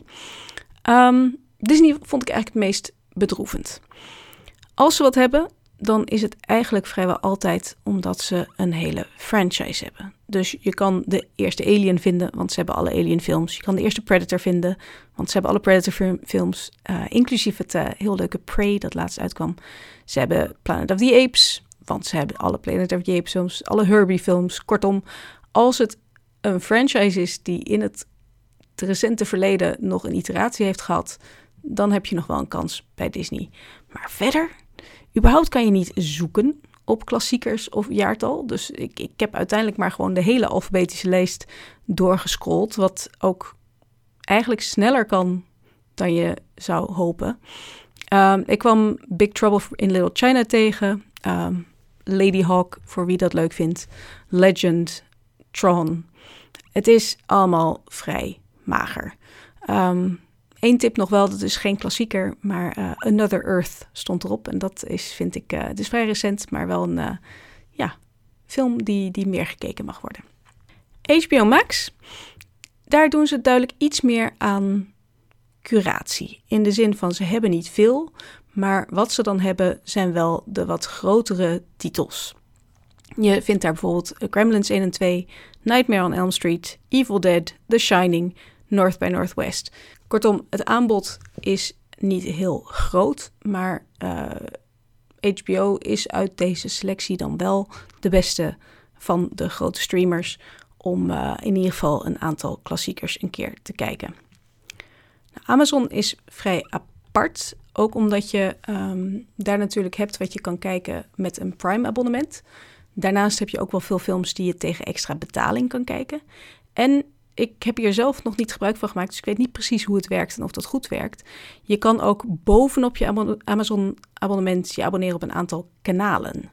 En daar zitten wel kanalen tussen van MGM, van Cineaar. Uh, uh, 4 is ook een kanaal voor de horrorliefhebber, al zag ik daar niet, uh, niet bepaald veel klassiekers tussen zitten. Um, op Amazon vind je wel uh, Hellraiser, een heleboel Hellraisers eigenlijk. Een heleboel Children of the Corns, of ja, ik weet niet hoe je dat, daar een meervoud van maakt. Ook hier Back to the Future en Jaws. Dus die zullen waarschijnlijk voorlopig nog wel te zien blijven. Um, Amazon is dus op zich, als je een specifieke film wil vinden en bereid bent er extra voor te betalen, niet een heel slecht punt. Maar ja, nog steeds vind ik niet dat hieruit heel erg filmliefde spreekt. En daarom wil ik dit uh, eindigen met een soort van advertentie. Ik, ik word hier niet voor betaald, maar um, ik zou elke beginnende of ervaren filmliefhebber aanraden om een abonnement te nemen op Mubi. En uh, ik gebruik Mubi eigenlijk meer als een soort televisiekanaal. En uh, mocht je het een tijd geleden hebben geprobeerd, toen ze steeds nog maar 30 titels hadden. Uh, en die in Nederland zo obscuur waren dat zelfs ik er meestal maar drie of vier überhaupt van naam van kende. Is het moeite waard om mee te proberen. Ze hebben tegenwoordig een groter aanbod, wel steeds wisselend. En eigenlijk kan ik daar altijd wel iets tussen vinden dat ik altijd al heb willen kijken. Um, helaas was ik net te laat, en zijn jullie dus ook net te laat, uh, voor The Holy Mountain en El Topo van Jodorowsky. Die stonden er tot voor kort op. Maar wat er nog steeds op dit moment dus te vinden is, is onder andere La Jetée van Chris Marker uit 1962. Dat is de film die de als inspiratie diende voor 12 Monkeys. Peeping Tom van Michael Powell uh, uit 1960 is daar te zien. Uh, de film die Julius en Jasper volgens mij tegenover Psycho zetten. Uh, The Housemaid van Kim Ki-young uit 1960. Bob le Flambeur van Jean-Pierre Melville uit 1956. Fantastic Planet, de geanimeerde film van René Laloux uit 1973 staat erop. Uh, de vampierfilm Vampier van Pere Portobello uit 1971, die wil ik zelf nog eens gaan kijken, want die heb ik nog niet gezien. Kortom, um, het aanbod is niet heel groot en misschien in absolute aantallen wel het kleinst van de streamingdiensten. Maar bij Mubi kun je wel zien dat ze de films echt kiezen en dat ze liefde hebben voor die films. Waardoor ze ook vaak in interessante groepjes stellen. Je kan daar inderdaad de klassiekers uit de jaren 70, jaren 60, die hebben ze lekker apart. En ja, algemeen blijft het zo dat als je op zoek bent naar een specifieke film en die is oud en of iets minder mainstream, dat blijft lastig met streaming. En daarom blijf ik ook uh, iemand met een hele kast vol DVD's en Blu-rays. Maar als je iemand bent die zijn filmkennis wil vergroten en zijn kennis van de filmgeschiedenis wil vergroten, en die daarmee niet bang is om iets te kijken dat misschien uh, iets minder geslaagd is, of wat obscuurder of wat moeilijker, dan zou ik toch zeker Mubi aanraden. En dus een kast met DVD's en Blu-rays. Maar ja, daar blijven we filmliefhebbers voor natuurlijk. Het waren net geen 50 aanraders voor deze 50ste editie. Maar ja, hopelijk kun je er in ieder geval eventjes mee aan de gang. En mochten jullie leuke uh, oude films tegenkomen op een streamingdienst, stuur ons vooral even een mailtje, want dan kunnen we dat misschien aan meer mensen laten weten. Nogmaals gefeliciteerd, Julius en Jasper. En uh, op naar de volgende 50. Dankjewel, Hedwig. En dan kunnen wij weer door met de lijst. Maar zal ik eerst anders nog even de lijst tot zover opnoemen. Voor de mensen die het bijhouden met pen en papier en niet helemaal bij zijn gebleven. Op nummer 50, The Faculty. Nummer 49, uh, Profondo Rosso, oftewel Deep Red. Op nummer 48, uh, The Abominable Dr. Vibes. 47, Brides of Dracula. 46, Rec. 45, Scream. 44, The People Under the Stairs. 43, Titanen. Op 42, Houseu, of House. 41 de originele Suspiria. Dan op nummer 40 The Blair Witch Project. En op nummer 39 Suspiria, uh, de remake. Uh, op nummer 38 The Devil's Rejects. Nummer 37 Eyes Without a Face. 36 Get Out. 35 Onibaba. 34 Tucker and Dale vs. Evil. Op 33 uh. Der Traum des Allen Grey. Uh, op 32 Day of the Dead. 31 Henry Portrait of a Serial Killer. En we waren gebleven bij nummer 30 Howling 2, Your Sister's a Werewolf. Ja, het wordt nu spannend, want ik heb dus... Ik zit nou steeds te kijken of er nou onverwachte favorieten uh, en klassiekers, daar gaat het eigenlijk tussen. Hè. Ik, heb, ik heb geprobeerd om van allebei natuurlijk een aantal op de lijst te zetten. Um, maar ja, je wil natuurlijk, ja, die klassiekers, één, die vind ik ook uh, allemaal heel goed, de meeste. Dus ja, je, je wilt toch ook een lijst waar, uh, die, die, die niet alleen maar gebaseerd is op um, laten zien hoe uniek je persoonlijke smaak is, weet je wel. Je, je, moet ook gewoon de echte klassiekers erin. En zeker richting. Uh, zeker als je richting de top gaat. Dus nu zit ik een beetje met van ja, ik heb een, een aantal favorieten van mezelf. Die ik, waarvan ik denk dat jij ze niet hebt, die ik er toch wel op wil. Maar er zijn ook een aantal klassiekers die er sowieso op moeten. En uh, daar moeten we een beetje ruimte voor gaan maken. Er komt nog wat bij kijken hè, bij zo'n lijst. Dat is... Ja, ik heb er nou één die volgens mij in beide categorieën valt. Oh. Uh, Black Sabbath van Mario Bava. 1963. I tre volti della paura. De drie aangezichten van de angst. Uh, heb je die gezien? Ik zal jou vertellen. Ik had een paar dvd's hier staan in de kast die ik nog wilde kijken ter voorbereiding. Om te kijken van wie weet dat er nog iets tussen zit. En de eerste die ik nog zou pakken was Black Sabbath. Maar dus nog niet aan toegekomen. Dus... Ja. Nou ja, de, de, film waar ook natuurlijk de geweldige band naar vernoemd is. En mijn favoriete Mario Bava. Ik denk trouwens wel dat ik nu dat ik een stuk uit deze, deze film ken. Mm -hmm. En dat is volgens mij een van de ook wel zeer memorabel stuk met een oude vrouw die zwevend. Klopt dat? Zit ik goed? Ja, er is een, een... ja, er is een stuk met een oude vrouw, uh, wat, wat ook mijn favoriete scène is. Ja, oké, okay. nee, dan weet ik al. Dan, dan bij, alleen door die scène zou ik al zeggen: dit, dit, dit verdient deze lijst sowieso. Ja. ja. Nee, want het is namelijk: het is een, het is een, een, een, een, een, een anthologiefilm, drie korte verhaaltjes. En ja, met name die met de oude vrouw. Het zijn drie verhalen in eigenlijk best wel verschillende genres. De eerste is, een soort, is eigenlijk een soort Jallo-achtig uh, verhaaltje met een, uh, een gewoon een, een, realistische thriller. En dan heb je een stukje met, met Boris Karloff, wat in, in, in 100 jaar terug gesitueerd is. En je hebt het stukje met een, het lichaam van een oude vrouw, waar een ring van gestolen is.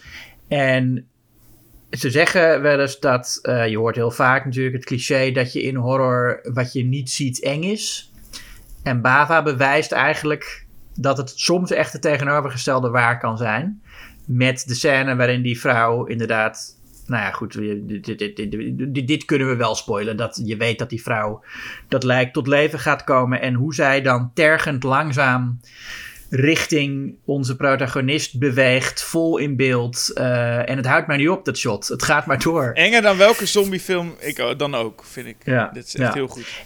En wat ook nog, en dit is nou ja, dit is ook wel een beetje een spoiler wat ik nu ga zeggen. Maar het slot van de film, dus na de drie verhaaltjes, zie je nog even Boris Karloff uh, op zijn paard. En dan lacht hij. En dan zoomt de camera uit. En dan zie je dat het een neppaard is en dat we op een filmset staan. En dan zegt Mario Bava: Kijk, we hebben gegriezeld, maar het was allemaal maar nep. En dat vind ik zo'n sympathiek einde voor een horrorfilm. Vind ik echt gezellig. Dankjewel, Bava. Wat leuk. Gelukkig. Wat gezellig. Oké, okay, ik ga iets doen bij 28. Ik ben, mm -hmm. ik ben heel benieuwd hoe jouw reactie zal zijn en welke kant je opgaat. Ik heb een paar keer gezocht en ik zie overal het genre horror ook staan. Dus ik denk dat het mag. Oké. Okay. Maar nou zit ik te denken, vind je dat ook? En als je dat vindt, dan vraag ik me af, vind je het dan niet veel te laag? Ik weet niet hoe je er nu over denkt. Maar okay. ik heb op 28 The Witches. Ah, van Nicholas Roeg. Yes. Ja, nou, ik vind het sowieso een horrorfilm. Ja, dat is ook. Dat vind ik ook. Ja, maar de, de, enige reden dat, de enige reden dat mensen zeggen dat het dat niet is, is omdat hij voor kinderen is, toch? En, ja. en, en ik bedoel, daar is wat voor te zeggen. Althans, ik zou uh, Hocus Pocus ook niet snel op deze lijst zetten, terwijl het ook een soort van Halloween... Ja, nee, maar, maar The Witches is wel echt ja, eng. En ik moet ook zeggen trouwens, het is, het is een horrorfilm ongeveer tot ze muizen worden. En dan wordt het meer een soort avontuur. En dan snap ik wel dat mensen zeggen dat is niet echt horror wat er dan allemaal gebeurt. Nee, maar als, als daarna, ik, ik spoil een beetje, maar als daarna gebeuren er ook nog wel bepaalde dingen waarvan je denkt, dit, is, dit zou zo in een horrorfilm kunnen. Ja, nee, natuurlijk. Er wordt een, een, een rat uh, gebouwd door Jim Henson. Uh, is best wel een angstaanjagend beest uh, voor kinderen. Het is, het is, het is, een soort body horror zit er, element zit er sowieso ook in. Nou ja, ja. Um, ja, moet ik dan nog meer zeggen waarom deze film? Ik bedoel, Angelica Houston mm -hmm. op dat podium. Mic drop, toch? Dit is, dit is niet... Ja, nee, ik, ik wilde... Ik, ik, ik, ik, hou, ik, heb on, ik hou ontzettend veel van deze film. Ik heb het niet op de lijst staan. Oh, dat is zelfs um, nog wel verrassend dan eigenlijk. Ja, onder meer ook omdat ik uh, het einde niet goed vind. Nee, eens. Waar, waar het jongetje weer een, een, een, mens wordt. Nou, dat vindt eigenlijk iedereen stom, inclusief Roald Dahl. En ik vind ook de manier waarop ze daar komen heel stom. Dat een van de heksen wordt dan opeens goed en kan dan opeens hem weer terugtoveren in een mens. Ik denk, ja, dat is ook een heel stomme manier om, om bij dat einde te komen met zo'n Deus Ex Machina. Die bovendien vertelt dat heksen dus blijkbaar kunnen veranderen in goede mensen en dan ook hun, hun klauwen kwijtraken en echt haar op hun hoofd hebben. Wat helemaal niet, wat ook een beetje in, in, in tegen, of tenminste, dan denk je van oké, maar ze willen nou alle heksen van de wereld in muizen gaan veranderen, terwijl sommige kunnen dus blijkbaar goed worden. Nou ja, dat is allemaal heel stom eraan. Ja, maar ik wil je één ding, ik ga je één ding zeggen, want ik heb net al Angelica Houston op het podium gezegd, maar ik ga je nog één ding zeggen. En anders, luisteraars kunnen ook weer naar de podcast hierover die we gemaakt hebben. Maar ik ga één ding zeggen aan jullie, je hebt het einde, oké, maar je hebt ook een begin. En je hebt een, je begin, een begin, met ja. een schilderij. Ja. En dat, dan, dan maakt het mij niet uit wat voor einde, maar dat schilderij met dat meisje, dat is zo sterk. Ja, kippenvel. Ja, kippenvel, toch? Als ik er nu alleen Ja. al aan denk, denk ik al, holy fuck, dat was echt zo fucking sterk. En dan Ja. die muziek, die, die theme van The Witches en die lach van Angelica Houston. Nou ja, goed. eh, Ja, en je, hebt, en je hebt naast Angelica Houston ook nog, en ik ga nu even opzoeken hoe ze heet, de heks die Luke in eh, de boom benadert. oh, die is mis... Ja, dat is waar. Dat is ook een hele goeie. Anne Lambton is dat, als eh, The Woman in Black.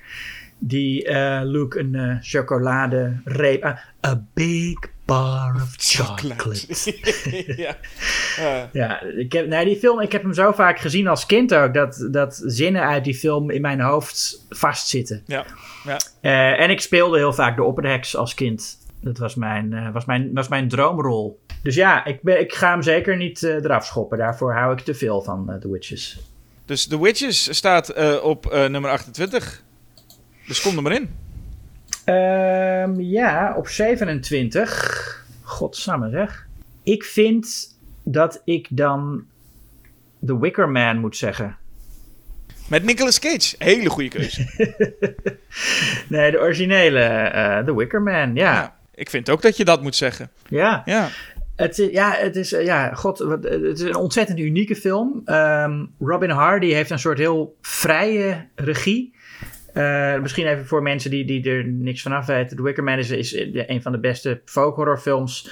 Gaat over een diepgelovige christelijke agent. Gespeeld door Edward Woodward. Die gaat naar een eiland waar eh, iemand- is, een meisje is vermist.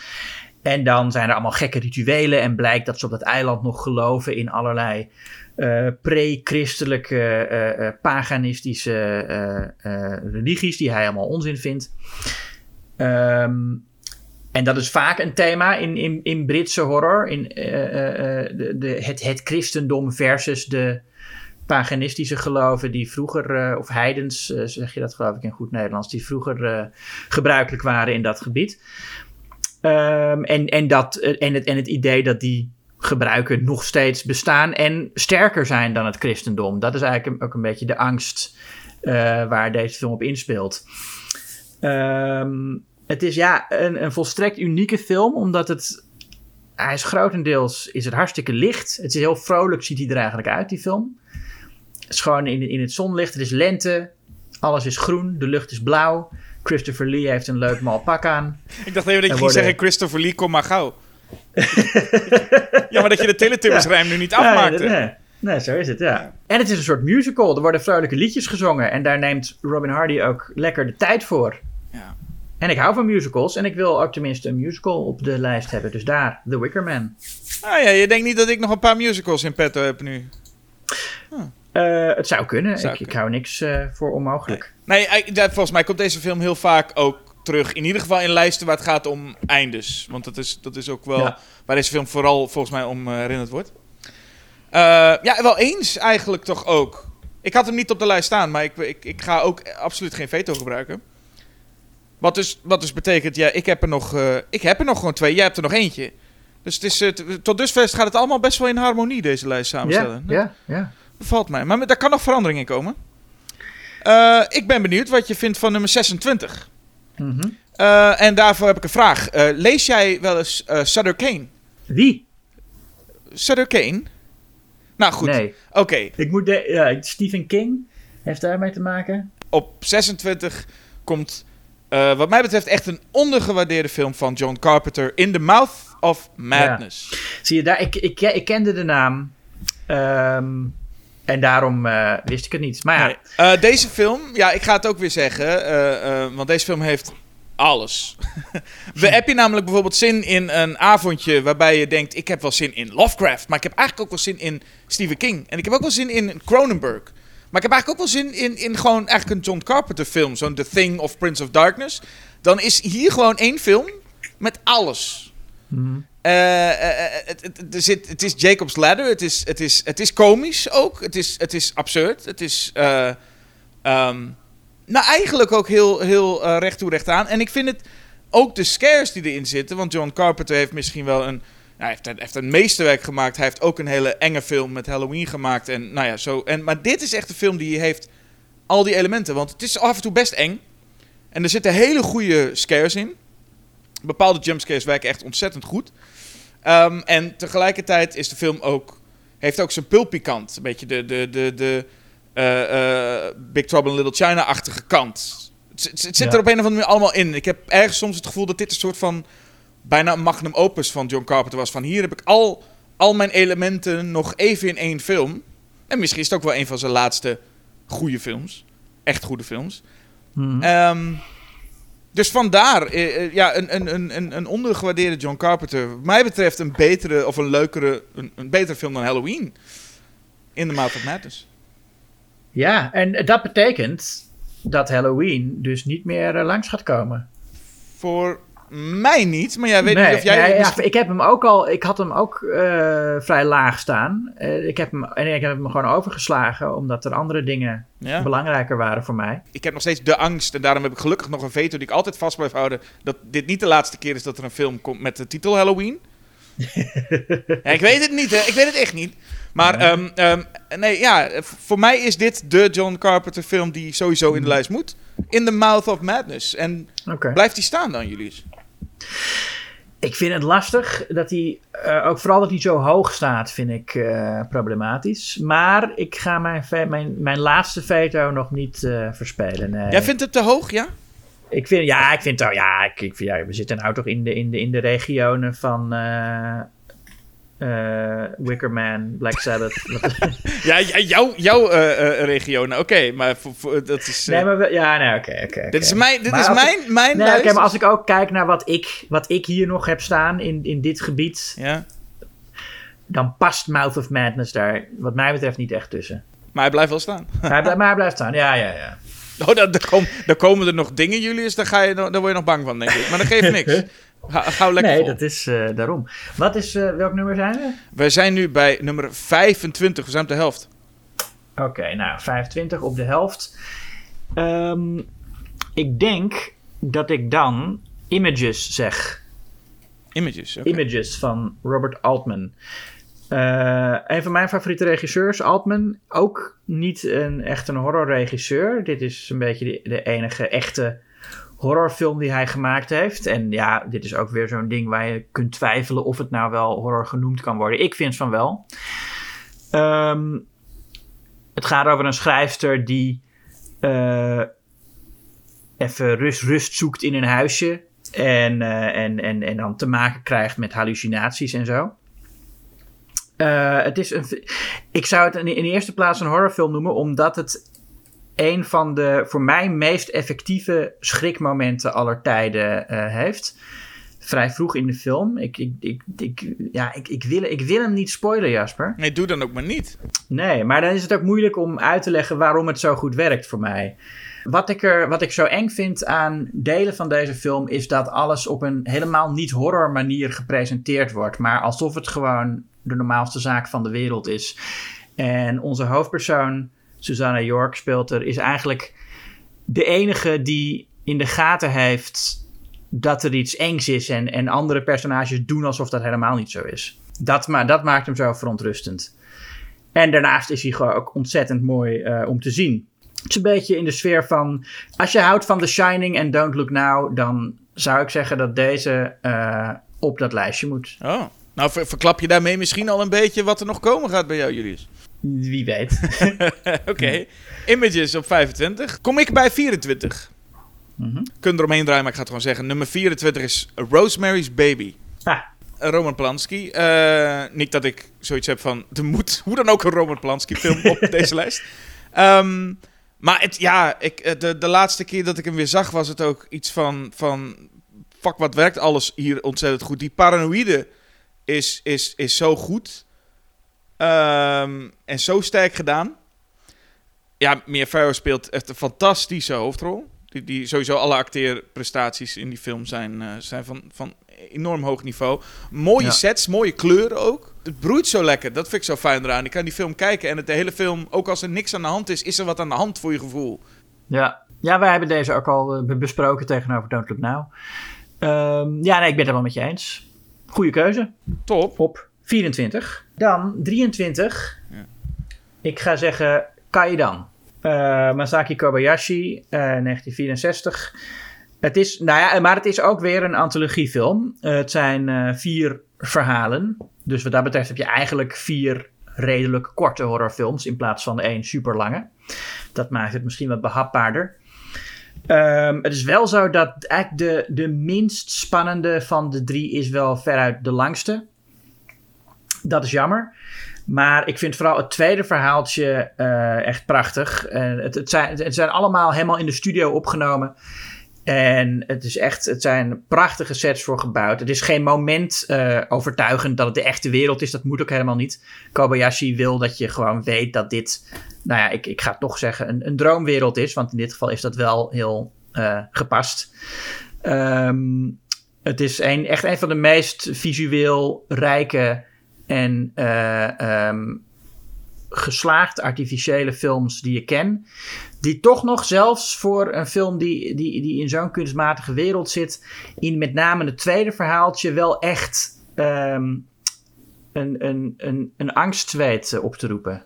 Ja, dat kan je dan. Oké dan. De vraag is nu, ga ik mijn volgende ook nu spelen? Want ik, ja, ik ga het wel doen. Nou, je hebt nog een veto, hè? Ja. Kijk, ik weet waar jij nu zit met je lijst. En ik zie ook wel echt de grootste klassiekers voorbij komen nu. ik ga, ik ga jou, jouw lijst lekker door elkaar gooien. Door uh, uh, er wat plezier in te flikkeren. En sorry, maar dit is een stukje plezier wat ik nu op nummer 22 ga zetten. Ja, sorry, dat kan je niet, dit kun je niet, niet op je lijst zetten. Hoe hoog okay. het ook is, nummer 22. Tales from the Crypt presents Demon Knight. Oeh. Billy Zane kun je niet, je, je krijgt het niet veel beter dan Billy Zane in Demon Knight. Dan kun je met nog zoveel uh, drie uur durende Japanse uh, horrorfilms aankomen. maar dit is Billy Zane. En, en, ja, maar en, je moet even niet doen alsof, alsof mijn films allemaal niet leuk zijn en niet voor plezier zorgen. Nee, jij doet, alsof, jij, doet, jij, jij doet alsof mijn films allemaal... Ja, dat, is, dat, dat, dat hoort niet in deze lijst thuis. Nee, maar niet omdat ze leuk zijn, maar gewoon omdat, ze, uh, uh, omdat ik ze niet zo goed vind als, als de films die ik hier heb staan. Nee, precies. Maar ik, ik heb ook nog ik heb, ik heb ook wat, wat, wat, wat, wat plezierfilms of wat... ik heb ook wat plezierfilms. heb ik ook hoog in mijn lijst. Oké, okay, nee, ik ben heel benieuwd. Dus zometeen komt er een plezierfilm. Maar, ik, maar ik, ik noem ze niet, want ik weet dat jij ze gaat noemen. Nee, dat snap ik. Maar ik bedoel, oké, okay, maar uh, wat voor plezierfilms je ook allemaal opschrijft, het kan niet meer plezier zijn dan Billy Zane in Demon Knight. Dat kan gewoon niet. Nou, dat, oké, oké, oké. Dat, nou, dat... En deze, ik bedoel, los daarvan, deze film van Ernest Dickerson zit mm -hmm. met zo'n ongelooflijke toffe cast. Met, met, met ook uh, Dick Miller en, en, en, en uh, William Sadler. Het is, het is een ongelooflijk toffe cast. Jada Pinkett Smith, niet te vergeten. Jada Pinkett Smith, inderdaad. Het is eh, ontzettend leuke eh, eh, eh, het effecten. eh, het, het, het gaat, weet je wel, het is als een achtbaanrit, om maar even ook weer zo'n cliché eruit te halen van het gaat. Het begint en het gaat lekker door. En het, Mhm. ik, ik, eh, ja, sorry, deze film is zo, ge- zo genieten. Eh, ik, ik schaam me er niet eens voor dat ik hem hier op nummer 22 zet. Ik vind dat hij er gewoon hoort. En, en waag, het eens, waag het eens om hem te vetoen. Billy Zane zou je voor de rest van je leven spoken. Je maakt het me nou wel erg verleidelijk om dat eh, te doen. Maar ik zal het niet doen. Ik zal het niet doen, want ik, ik, ik, de- ik voel dat er nog iets aankomt wat ik liever wil vetoen dan. eh, Echt waar? dan dit. Oh, dat oké. nou. Denk ik. Ja, nee, ik weet het niet. Maar nee, ik, ik heb, het zijn ook allemaal... Kijk, al die films die jij dan hoog hebt staan... dat zijn films die ik, eh, waar ik ook te veel liefde voor heb om ze weg te doen. Oké, oké. Ik zou zelf Demon Knight niet in een top 50 zetten... maar het is wel een film waar ik erg... die me erg dierbaar is. In, in, in deze top 50 of in eh, geen enkele top Nou ja, 50? In, wel in een top 50 beste films met Jada Pinkett Smith of zo. maar Dan staat hij op 49? Oké. eh, nee, dan staat hij behoorlijk hoog, denk ik. Oké, nou ja, eh, ik vind alsnog, als iemand deze lijst ooit nou tegenkomt en dan daardoor de, Demon Knight on- on- ontdekt, ik vind dat dat gewoon, die, die, dat, dat is de moeite al. Ja, zo is het. Maar kom maar lekker door, 21, Ehm. wat voor, wat, wat heb je dan? Eh, even kijken. 21. Ik moet nou. Ik, ja, god, wat. Ik, ik, ik, ik ga je, ik, Jasper, ik ga je toch verrassen met de film die ik. ehm, nee, nee, dat doe ik nog niet. nee, Ik ga je verrassen, nee toch niet. nee, ik ga, nee, ik ga, ja, ik ga, ik, ik vind het echt moeilijk hoor, om nu te bedenken wat ik eh, ga doen. Ja. Ehm, ik zou zeggen, dit is super saai om naar te luisteren ook. Nou, ik zit vol spanning. Ja, oh ja, het is ook wel spannend, hè? Ja, dit is zeker spannend. Wat gaat er komen? En ik denk dat de luisteraars zitten, die denken nu ook, komt hij met mijn favoriet of niet? Nosferatu. Ja. De W- Werner Herzog of de... eh, Nee, eh, van Murnau. Oh, oké. Ja? Ja. Ehm, ja, nou ja, ik, kijk, het is, als het gaat over Duitse expressionistische horror, is dit natuurlijk de ene grote titel en de andere is de Kabinettes Dr. Caligari. Eh, ik vind dit echt de sterkere van de twee. Ehm, ik had Caligari had ik ook wel op de lijst staan, maar eh, lager. Ik, ja, Robert Wiene, die Caligari heeft gemaakt, is toch meer, is, is niet echt een filmregisseur. Of tenminste in die film niet. Hij heeft later nog wel eh, met Orlax Hende een, een veel beter geregisseerde film gemaakt. Maar Caligari is vooral vanwege de decors beroemd. En vanwege het script natuurlijk. Nosferatu is echt een film die door de, eh, door de filmische taal expressionistisch is. Eh, de manier waarop Murnau gebruik maakt van het landschap, van de gebouwen. Hij maakt ehm, monsterlijke wezens van bomen en gebouwen en, en natuurlijk van eh, Max Schreck. Op een manier die, eh, die Wiene in, in Caligari, die heeft gewoon de, de, de, acteurs en de make-up en de decors. Maar Murnau doet het met zijn camera en met licht. En daarom is voor mij Nosferatu de beste van de Duitse expressionistische, expressionistische horrorfilms. En ja, er moet natuurlijk een, een Duitse klassieker bij. Ik ben het er ergens wel mee eens. Wat ik altijd heel bijzonder vond, is toen ik daarna de Dracula's ging zien. Dat ik denk, waarom is Dracula nooit zo eng als hij was in 1922? Ja, ja. Want daar hebben ze gewoon de perfecte eh, eh, eh, Dracula mee. Ook, alleen heet hij gewoon niet zo.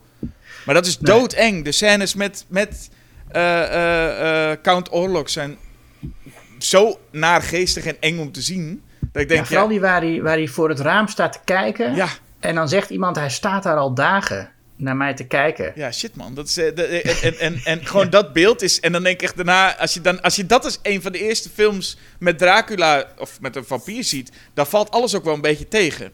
Ja. Want dan komt Bela Nee, Lugosi dus, met zijn eh, met, z'n- met, met zijn jas van de, van de trap af. Of, of, of zelfs Christopher Lee. En dan denk je... Ja, oké. het is geen oorlog. Ja. Nee.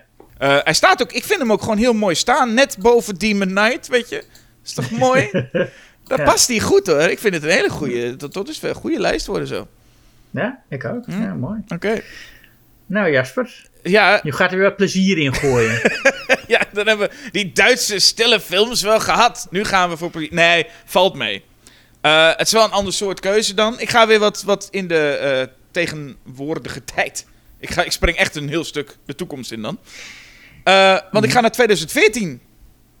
Ah. En ik ga voor nummer 20 naar It Follows. Oh. Eh, David. Robert Mitchell. Wat ik trouwens denk, David Robert Mitchell, daar heb ik even niks meer van gehoord. Hm. Wat is met deze man eh, eh, gebeurd? Ja. Zou je... Ja, Un- Under the Silver Lake eh, heeft het, was, een, was natuurlijk een beetje een flop. Ik bedoel, aan de kassa. Ja. Ehm, niet per se een slechte film. Maar ja, nee, ik denk dat dat, dat, dat, dat is. eh, en, en daarna is hij niet meer. eh, waar is hij nou ergens mee bezig? Even kijken. Ja, ik heb dus geen idee, maar je hebt, ik heb dus ergens het idee van... Oké, je hebt dus de, de Ari Astes en de Robert Eggers... die nu zo aan de weg aan het timmeren zijn, of Jordan Peele. En ik denk, waarom is David Robert Mitchell dat niet? Eh, want met zo'n film als It Follows... dan verwacht ik heel wat. Ehm, maar het kan ook gewoon een, een, een, een nou ja... dat het een, een eenmalig iets was, deze grote, gigantische horrorhit. Maar ik vind het echt ook, ook gewoon het concept... mega sterk. Ja. En de, de, de, uitvoering is enorm stijlvol. Ik noemde net al Carpenter. En dat is ook gewoon logisch dat die dan op de, eh, op de lijst voorkomt, Carpenter. Maar, maar, maar deze, dit is gewoon een, een hedendaagse Carpenter film. Ik vind het zo tof hoe je eh, non-stop op de achtergrond kijkt. Eigenlijk wat ik bij Rosemary's Baby ook had, dat paranoïde, heb je hier ook de hele tijd. Je zit de hele tijd kijken naar mensen die gewoon aankomen lopen. En ook dat stukje van de, de, de, zo'n oude dame die op school ineens langzaam dichterbij komt. Ik vind het onwijs sterke, eh, sterke beelden die in je hoofd blijven spoken. Ja. Dus, dus nummer 20, eh, It Follows. Ja, ik, ik weet het niet, Jasper. Ik, zit, ik, ik ben het met je eens dat het een fantastische film is. Maar nummer 20 in een, in een, in een top 50. eh, of nummer 20 in een top 30. trouwens, Maar eh, gewoon nummer 20 in een lijst. Ja. eh, van beste horrorfilms of favoriete horrorfilms. Eh, ik weet niet of ik daar mijn handtekening onder kan zetten. Nou ja, ja, ja. En ik, ik heb nog maar één veto over. Oh, dit is moeilijk hoor. Nou ja, nee, ik, la, ik laat hem staan. Ik laat hem staan. Ja, kun je ermee le- Kijk, jij moet straks ook jezelf bij verjaardag en zo verantwoorden voor deze lijst, hè? Want het is wel een Ja. lijst waar jouw naam onder komt. Dus ja, als mensen je Nee, dan gaan ik, eh, eh, aanspreken op straat van... hé, hey, wat is dat nou? It Follows op nummer 20. Dan moet je wel eh, er wat mee kunnen. Nee, ik ga voor. Ik, ik, ik, ik ga, laat hem staan. En ik ga dan voor ook een recente 2016. Mhm. The Wailing. Van Na Hong Yin. Oké. Ja, Koreaanse film. Ja, wat, zal ik, wat, wat kan je erover zeggen? Ik vind het, is echt een, eh, een, eh, een, een, een episch... eh, een, film die heel episch voelt door de, ehm, door de stijl. Terwijl het niet echt een episch verhaal is. Het gaat gewoon over een, een, een, een, politieagent... die zich zorgen maakt dat in zijn dorpje een raar soort ziekte... blijkt te heersen, waar ook zijn dochtertje slachtoffer van wordt. En dat heeft dan ook te maken met demonische bezittingen. En, en, je, en je weet eigenlijk niet eh, wie aan welke kant staat. Dus er zijn, er zijn mensen die zich voordoen als, als, als geestenuitdrijvers. Maar is dat nou wel echt zo of niet? Dat, dat, dat weet je allemaal niet. Een vrij recente film. Heb je hem dan ook heel vaak gezien? Nou, ik heb hem drie keer gezien toen hij in de bioscoop draaide. Oh shit. En daarna niet meer. Nee, ja, nee, dat, dat, dat, ik, ik, vind, want ik denk ook misschien valt hij op een klein scherm ook alleen maar tegen. Nee, dat is natuurlijk niet zo. Maar het is wel echt een film om in de bioscoop te zien, omdat hij zo overweldigend is qua stijl. En het is echt zo'n film, alles zit erin. Het is, het, is een, het, is een, is een, vrij subtiele horrorfilm, maar er zit ook grotesk geweld in.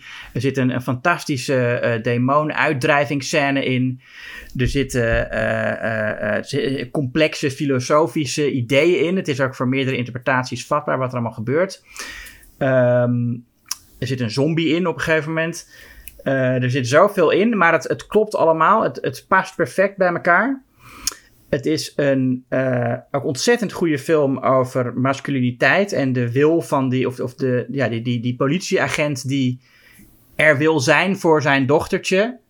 Die een goede vader wil zijn, maar dat niet kan, omdat er tegenover hem krachten staan die hij niet eens kan bevatten. Dus het gaat ook echt over die, die hulpeloosheid. En, en, ja, en, en ook gewoon ontzettend eh, mooi en goed, eh, eh, vermakelijk gedaan. Het is, eh, heel, eh, het is echt, het, het wil echt ook een, een plezierfilm, Jasper. Oh, dat spreekt mij ineens aan. Ja. Ja, maar dat in de top, eh, top 20, Julius? Plezier in de top 20? Wat denk je? Eh, ik ga hem niet vetoen.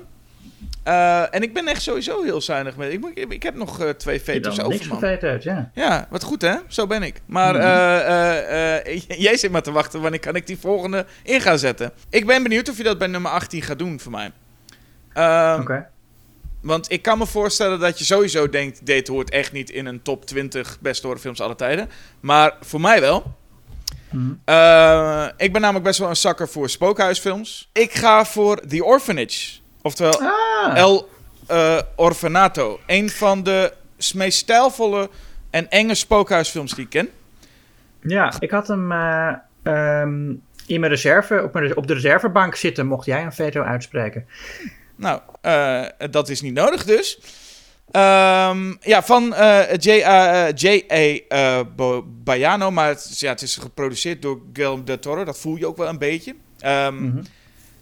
En het is, het is ongelooflijk intrigerend, want het is naast dat het echt een enge spookhuisfilm is, wat het ook is, eh, is het, het is ook een heel mooi mysterie van een vrouw die haar eh, zoontje eh, kwijtraakt. En zij wil een weeshuis dan daar beginnen met haar man en, en, en raakt dan haar zoontje kwijt.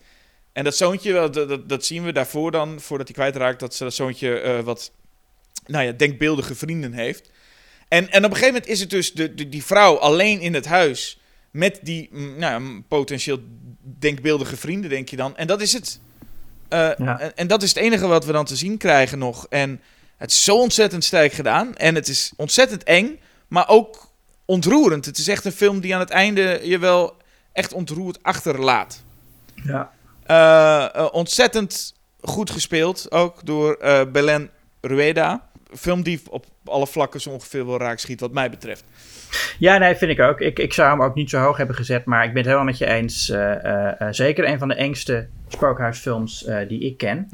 Ik denk trouwens dat de zin, ik had hem niet zo hoog gezet, bij elk punt bijna nu komt hoor. Dus dat, maar goed, dat geeft niks. Ja. Oké, dan blijft hij lekker staan. Mag voor mij blijven. Ik zet dan wel The Innocents erboven. The Innocents. Ja. Ah, ja, dat mag.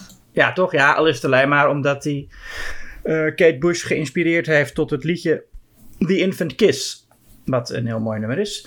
Maar ook los daarvan is het een fantastische film van Jack Clayton uit 1961. Waarin een, eh, een, een, een vrouw, Deborah Kerr, ervan ja, overtuigd raakt dat er iets mis is met de kinderen eh, op wie zij moet passen in dat eh, enorme huis waar ze eh ingehuurd is. Ehm, het mooie vind ik ook ja, dat zij ontwikkelt een soort relatie met, met het jongetje, dat dan eh, al of niet bezeten is door een overleden man. En ehm, nou de vraag is dan: is zij, is zij seksueel aangetrokken tot dat jongetje en verzint ze daarom dat hele verhaal erbij? Hè, van, eh, van, van, van die, eh, die de- demonische bezitting. Of is dat echt zo? Zijn er echt geesten? En het is best wel gedurfd om in 1961 zo'n eh, eh, eh, de, de vraag te stellen of je hoofdpersoon pedofiel zou kunnen zijn. Ehm, en het dan ook nog eens zo subtiel aan te pakken. En ja, en, en, en verder ook gewoon een ijzersterke film met een paar heel sterke, griezelige beelden. Ja, je zou zeggen, het is eigenlijk het perfecte verhaal om een keer op een bruiloft aan mensen, een groep mensen te gaan vertellen.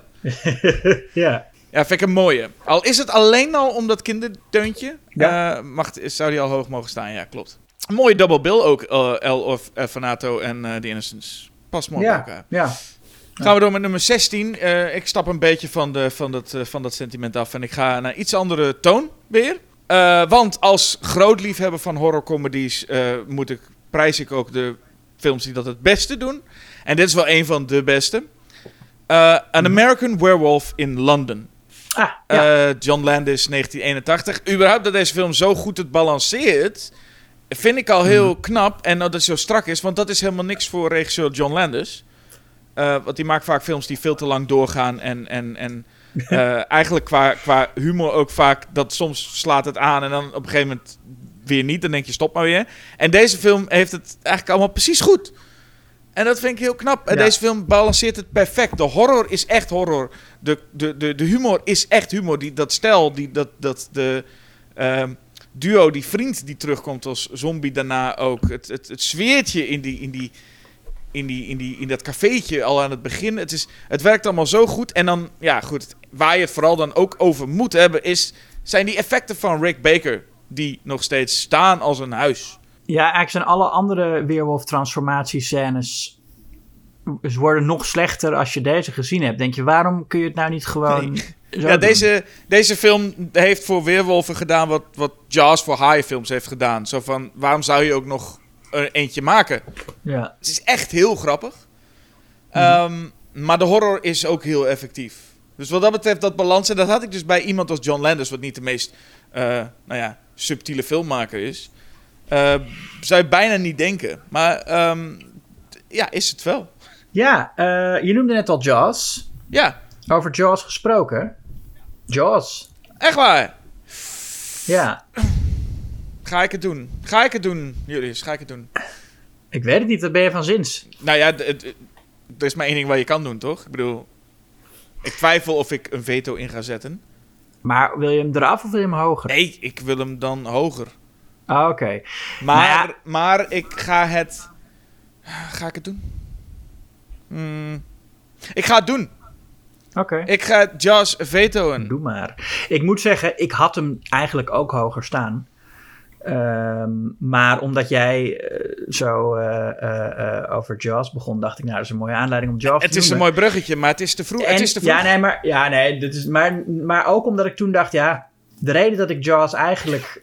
Dat, ik vertel dat zo, als we bij Jaws komen, vertel ik straks wel waarom ik hem eigenlijk lager had staan. Oh, oké. Okay.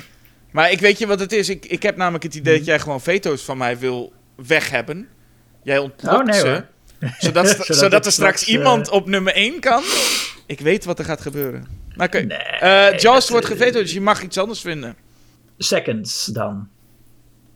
Seconds is ook een film die ik eigenlijk al... Uh, die ik eigenlijk hoger had staan. Dus daarom, daarom is het een gepaste inruil voor Jaws. Um, van, maar het is ook een film waarvan ik namelijk twijfel of het nou wel echt een horrorfilm is of niet. Nou ja, ik vind van wel, omdat hij in elk geval richting het einde uh, behoorlijk eng wordt. En ook de hele film lang een verontrustende sfeer heeft.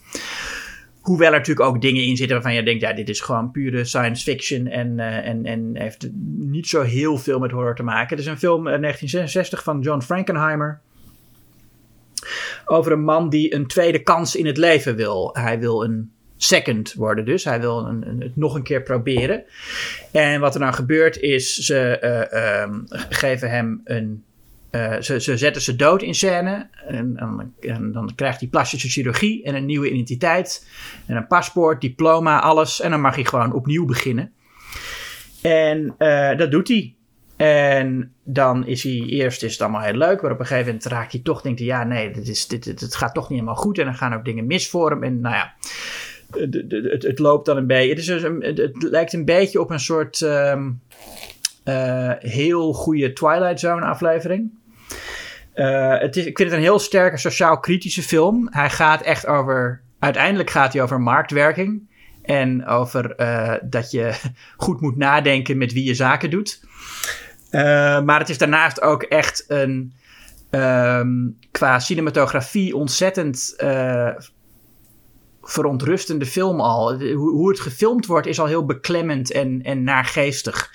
Je krijgt meteen al in de openingsscène de manier waarop de camera zo echt op het gezicht van de hoofdpersoon staat. Die uh, dan nog gespeeld wordt door, um, ja, nou weet ik even niet de, de naam van de acteur die hem in het begin speelt, want het wordt Rock Hudson. En Rock Hudson was toen een filmster die vooral bekend was uit romantische comedies met Doris Day. En die opeens deze super naargeestige science fiction horrorfilm uh, uh, ging doen. Wat natuurlijk um, behoorlijk controversieel was. Hm. Um, maar goed, de, ja, Seconds dus. Ik, ik, ik, ik kan er niks over zeggen, dus ik, ik ga hem ook niet vetoen. Ik, ik weet alleen, ja, het is dus van de maker van The Island of Dr. Moreau. Dus ja, dat kan niet. Uh... uh, ik ga er meteen ook mijn nummer 14 in gooien. Eentje waarvan ik eigenlijk wel weet dat je het daar niet mee oneens bent. Ik kan hoog, hooguit mm. dat je misschien nog hoger zou willen hebben, maar ik denk niet dat je het hiermee oneens bent. Op nummer 14, Carrie. Oh ja. Ja, die zou ik ook hoger zetten, maar ik vind 14 prima voor Carrie. Oké, okay, ja. Nee, uh, voor mij is het Nou, dat is best hoog, trouwens, zit ik nu te bedenken. Maar het is eh, een film die ik daarvoor, namelijk, eh, eh, voor de laatste keer dat ik hem zag, nooit zo hoog had geplaatst. Misschien niet eens in de top 50 had geplaatst, denk ik. Ehm, maar de laatste keer dat ik hem zag, was alles wat ik al wist dat goed was, was ook nog steeds goed. Maar ik had dit keer dat ik zodanig met, met, met eh, mevrouw White, en dat bedoel ik Carrie trouwens, gewoon uh, mee zat te leven. Eh, eh, dat ik echt, ik, ik gunde het haar zo. En ik zat die keer zo echt dat ik het haar gunde dat toen het ook eenmaal misging. Ik dacht, oh nee. En, en toen ik, nou ja, dat je dan voelt dat je zo aan het meeleven bent, dan denk je wel, oké, dan dat, dit, dit is wel volgens mij echt heel goed. Als je zo aan het meeleven bent. En ja, Sissy Spacek speelt het zo ontzettend mooi. En eh, Brian De Palma houdt zich in, heb ik ook het gevoel. Hij is heel erg Brian De Palma, maar niet zo erg dat je je eraan gaat storen. Met zijn, met zijn, eh, hij heeft soms gewoon rare, totaal niet subtiele dingetjes in zijn films. En hier, ja, hier, hier speelt hij toch... Nou, ik wou zeggen subtiel, maar dan denk ik daarna aan Piper Laurie. En dat is natuurlijk alles behalve subtiel. Ja, en, en, en de, de, de balscène en met name de opbouw naar ehm, de grote climax. Of de, ja, de, de, de opbouw naar dat moment dat het varkensbloed op Carrie valt en, en, en alles losbreekt. Ja. Ehm, dat vind ik eigenlijk het, het hoogtepunt van de film. Hoe die, die close-up van Nancy Allen's grijns en die muziek van Pino Donaggio. En hoe dat, hoe dat shot zo glijdt langs die, eh, eh, door die zaal heen. Ehm, dat is zo'n perfect huwelijk van beeld en geluid. En dat is eigenlijk een, dat is nog euforischer dan alles wat er daarna gebeurt, word ik daarvan. Ja, en ik, en ik moet zeggen dat ook gewoon het beeld van... eh, nou ja, we hebben meerdere versies kunnen zien. En dan weet je ook heel goed als je andere versies... Daarom ben ik ook best wel een voorstander van remakes. Want je kunt vaak dan zien waarom het origineel ook zo goed was. Want je hebt bijvoorbeeld Mhm. remakes van Carrie. Je hebt meerdere versies nu. Waarbij eh, de actrices die als ze het bloed over zich heen hebben... allemaal dingen gaan doen met hun handen en zo. Weet je, je hebt bijvoorbeeld eh, Chloe eh, Moretz. Die speelt het in, in de remake uit 2013. Ja. En die gaat dan een beetje de, de zangeres van Within Temptation nadoen als ze, als ze Carrie is. En ik, als je dan kijkt naar hoe Sissy Spacek het doet, gewoon dat die, die opengesperde ogen en dat bloed, en dat is het enige wat ze doet, dat is dood, doodeng, dat beeld. Daarom nummer 14. Goed, goed. Blijf je staan. Eh, blijft hij staan, jazeker. Nummer 13, ja, dan Ja. wordt het tijd dat ik eens O jee, ehm, o jee. The Exorcist ga noemen. The Exorcist. Oh, oké. ja. Het moest er toch een keer van komen. Ja. Ja, waarom niet? Ik vind dat een, een, een ijzersterke film. Absoluut. Ja, gek hè? The Exorcist. Nee, het is, het, is bijna, het is bijna inderdaad tegen het saaien aan dat het gewoon moet. Ja, hij moet erop. Ja, nee, kijk. Eh, het is een film die ik wel steeds enger ga vinden hoe vaker ik hem zie. Wat wel bijzonder is. Want hij is niet, ik, hij is niet echt... Het is niet een film waar je echt, eh, ehm, zoals bij eh Errol Fanato bijvoorbeeld, in angst zit. Maar het is wel een, een bepaalde verontrustende film door ten eerste het thema van, van machteloosheid tegenover een, een, een puur en oud kwaad. Dat, dat, je, dat, dat, niet te ontkennen is, ook al zit je in een rationele wereld. Dat kwaad is er en het is overal, weet je wel. Dus waar je ook kijkt, al is het een, een, een zwerver in, in, in de metro. Ook daar blijkt het kwaad mee te kijken als later wat die zwerver in de metro zegt herhaald wordt eh, eh, door eh, de bezeten Reagan. Ehm, en ja, en, en het hele idee van ouderschap en de machteloosheid, de, macht over je kind verliezen. En, en je kind doet, dat was, ja, je kind gaat rare dingen doen. Je kind wordt een puber en wordt ongesteld en gaat masturberen. En nou, dat zien we in, in, eh, in The Exorcist gebeuren op nogal extreme wijze. Eh, maar dat, dat gaat natuurlijk ook echt, de, ja, de, angst van een ouder. eh, ehm. en ja, daarom is het, denk ik ook hoe ouder ik word, hoe meer die film voor mij doet. Ik, ik, ik, wat ik wel heb bij The Exorcist, is dat ik mij afvraag... eh, ten eerste zou ik zeggen dat dit misschien tegen de theorie van Mario Bava... die dan zegt van, hè, wat je ziet is ook eng. Hier zou ik zeggen, de dingen die je niet ziet... zijn wel echt enger dan de dingen die je wel ziet. Mhm. Vind ik bij The Exorcist. Maar ik vraag me ook een beetje af bij The Exorcist soms... is het nu te veel in eh, popculture... Dat, zeg maar, dat die beelden nu inmiddels niet meer zo werken? En dan heb ik het puur over de... eh, Reagan die haar hoofd gaat draaien, de, de ettensoep gaat kotsen, dat soort dingen. Dat het bijna nu te, te... Het is te bekend bijna om te werken. Ja, maar ik vind in de context van de film nog wel effectief hoor. Als Reagan met die crucifix aan het masturberen is en vervolgens haar moeder ook eh, op, eh, pakt en, en in het gezicht slaat en, en zoent volgens mij. Ehm, dat, dat komt echt in de context van de film voor mij nog steeds behoorlijk hard aan. Ja. Nee, het is misschien ook algemeen, en dat heb ik bij Exorcist misschien een beetje, maar dat, dat zit hem in. Nou, Scream is ook zo'n voorbeeld van. eh, omdat als je veel parodieën van iets gezien hebt, en, of, of überhaupt gewoon dingen die dat nagedaan is, maar het is zo bekend, wordt het wel minder eng. En dat heb ik bij de Exorcist toch, dat ik juist merk dat het steeds iets minder eng wordt. En ik vind bijvoorbeeld eh, eh, het, het simpele shot van de, moeder, de overleden moeder van Karis die de trap op komt lopen bij de metro. Dat Ja. vind, ik, vind ik heel eng en ijzersterk. Maar het draaiende hoofd en het kotsen en het vliegen...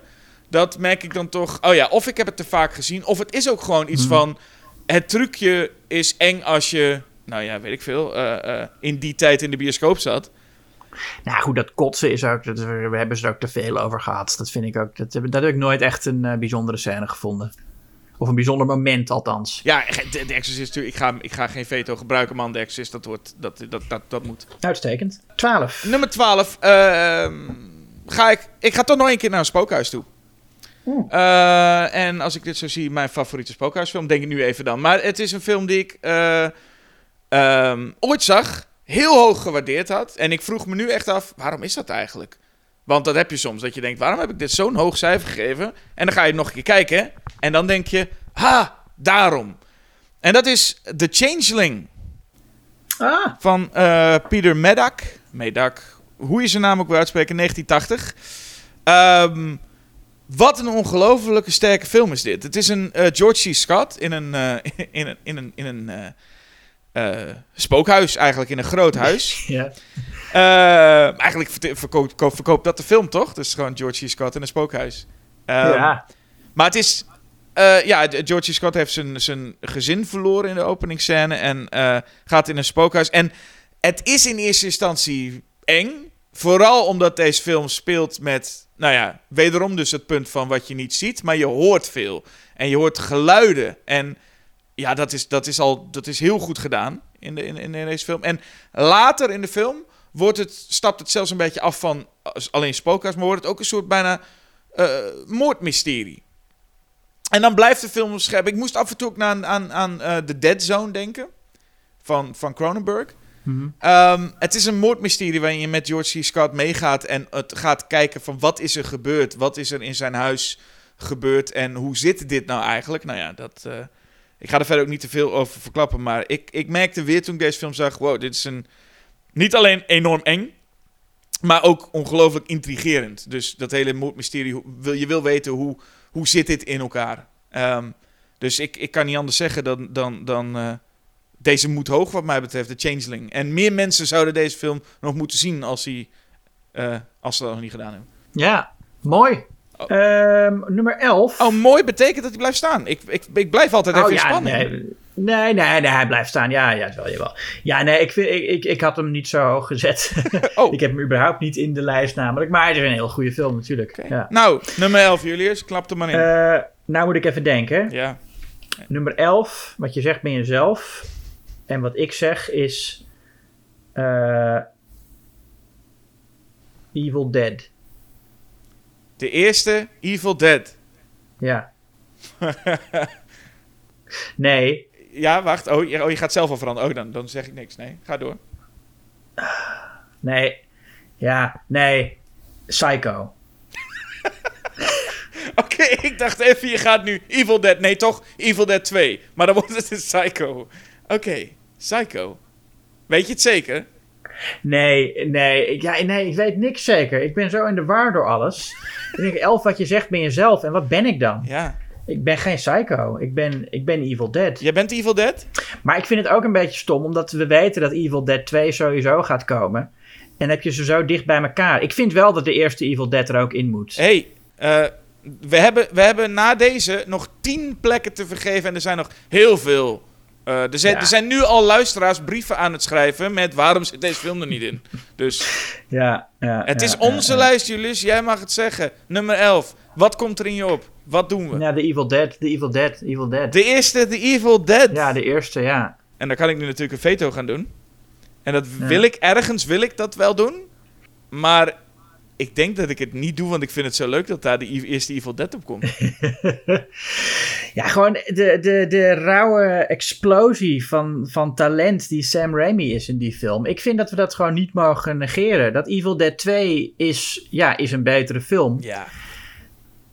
Maar die eerste Evil Dead is ook op zijn eigen. Die, die mag je zeker niet wegcijferen naast Evil Dead 2, Jasper. Dat is op, op echt zijn, zijn een geheel eigen eh, manier. Is dat ook gewoon echt een goede film. Die ook als je er de juiste leeftijd voor hebt, ook echt eng is. Tenminste, toen ik hem zag op een jaar of 14, denk ik, was ik. Iets jonger, 13. Ehm, vond ik hem ook echt eng. Het begin althans. Oh, ik heb het begin, ik heb inderdaad ben zo snel afgehaakt bij deze film toen ik jong was. Ja? Ik had deze film gehuurd. Ehm, en als ik was echt basisschoolleeftijd. En ik zat echt, ik had tegen een vriendje gezegd. Ik heb de Evil Dead gehuurd en die ga ik straks kijken, want ik ben alleen thuis vanavond. Ja. En mijn ouders waren het inderdaad ook niet. En toen heb ik de videoband tegenaan. Dat vriendje was helemaal jaloers. Oh, jij mag dat zomaar. Toen ging ik dat doen. En ik zet hem aan. En op het moment dat die, dat die auto aankomt rijden. En dat, eh, dat het schommelbankje zo automatisch zelf tegen het, hek- tegen het eh, huisje aanklapt. toen zei, had ik echt zoiets. Fuck it, ik ga dit niet doen. En toen heb ik hem uitgezet. en dat moet Oh, ik dacht, binnen de dacht paar minuten zijn, je- hè? Dat- Ja. er, was, er kwam nog geen demon aan te pas. Maar ik had al zoiets van: oké, fuck it, dit, dit, dit ga ik niet trekken. Ik dacht al, ik dacht, ik dacht dat je bedoelde dat je hem heel saai vond, dat je daar was afgehaald. Nee, ik trok het niet. Maar- Ik trok het niet. Ik vond het doodeng. Ja, ja, ja, Gewoon alleen het, het, het, dat tikken van dat, van dat bankje tegen, die, tegen dat huisje aan. En ik was al, het was al klaar. Dus Nou, voor ons was het moment, en ik denk eigenlijk dat we 12 waren. En dan was het het moment dat ehm, die ene de kaarten aan het raden is, weet je wel? oh, ja, ja, zeker. Nee, Ik, weet, hoop dat onze luisteraars wel eh, meteen weten naar welke scènes we verwijzen, anders is het dan wel heel vaag. Ja. Maar dat ze opeens al die kaarten weet en zich dan omdraait Ja, en, een, en een monsterlijk eh, figuur is geworden. Ja, zo. Ehm, Ehm, ja, en kijk, het is. eh, alles gaat. eh, Sam Raimi gooit alles eruit in die film. Het is met, met, met, met eh, special effect, met stop motion zit erin. Eh, latex, gekke camerabewegingen. Hij doet eigenlijk alles om eh, zijn publiek. ehm, ja, niet alleen de stuip op het, lijf te, op het lijf te jagen, maar ook ontzettend te amuseren met elk shot en met elke camerabeweging. Dus eh, ja, ik, ja, The Evil Dead, ik, ik, ja, god jezus. ja, ik, ik vind het 100% tof dat hij eigenlijk hier gewoon op 11 eh, staat. Dus ik laat hem ook lekker staan. Nou, dan zijn we aanbeland bij de top 10. Maar eerst gaan we even een pauze nemen en luisteren we even naar Erik van het Holt.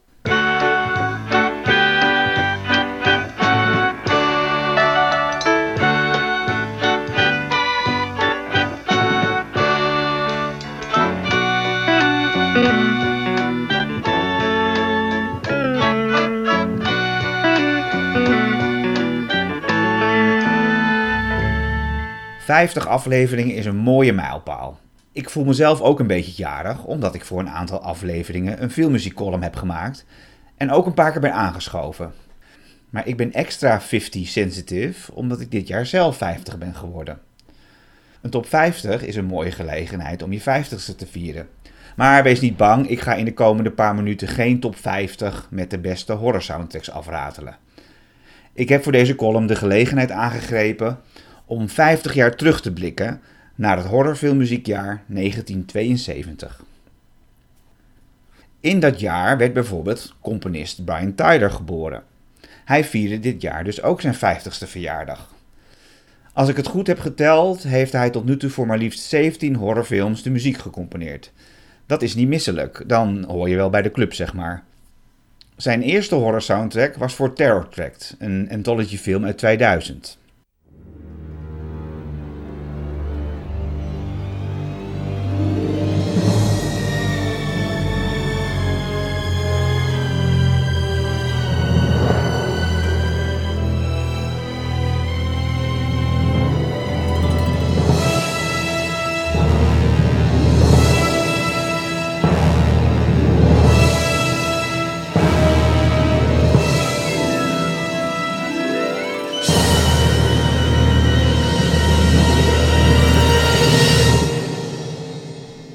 Meest recente horrorfilm is de nieuwe Scream, waarvoor hij het stokje overnam van Marco Beltrami.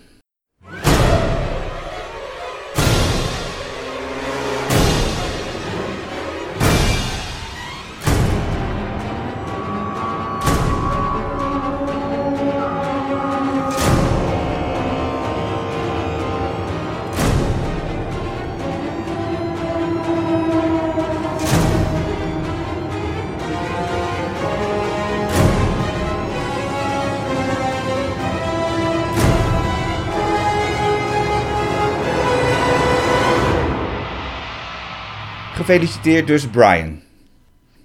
Wie dit jaar ook 50 werd, is de band Goblin. Vooral bekend vanwege hun muziek voor de films van Dario Argento. Goblin bestaat nog steeds. Er zijn zelfs meerdere Goblins, waaronder Claudio Sibonetti's Goblin en Goblin Rebirth. Het is een beetje een ingewikkeld verhaal dat tekenend is voor de band. Gedoe met die naam was er in de beginperiode namelijk ook al. Zo begonnen ze in 1972 niet als Goblin, maar als Oliver, Vervolgens werd het Terry 5 en toen pas Goblin.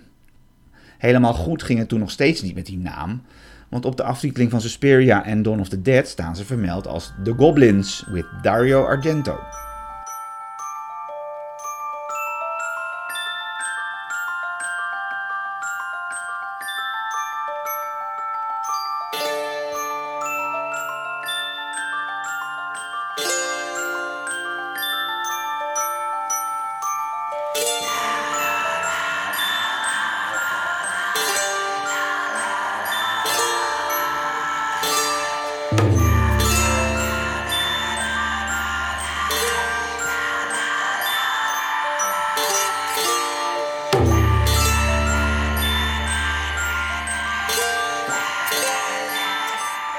Maar gefeliciteerd dus ook Goblin.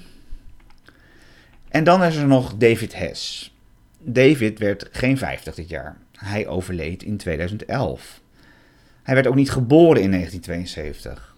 Maar David Hess debuteerde wel in dat jaar als filmmuziekcomponist voor een film die nog steeds behoorlijk controversieel is. Wes Craven's The Last House on the Left.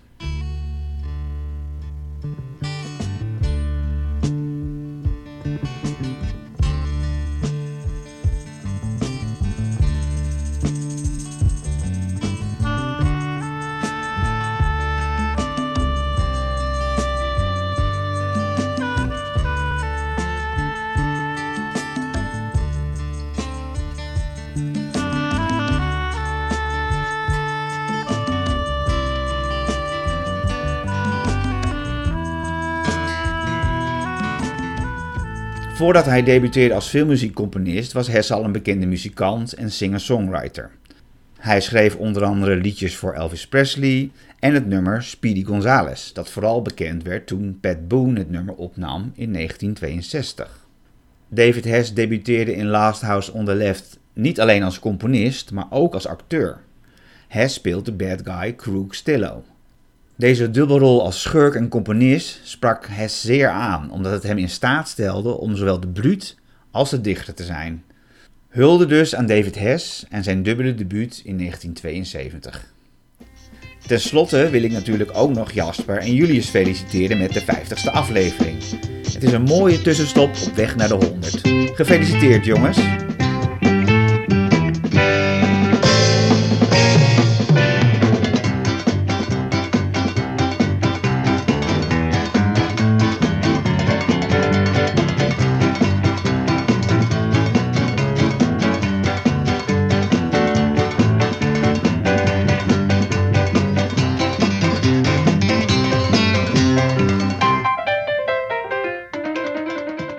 Dankjewel, Erik.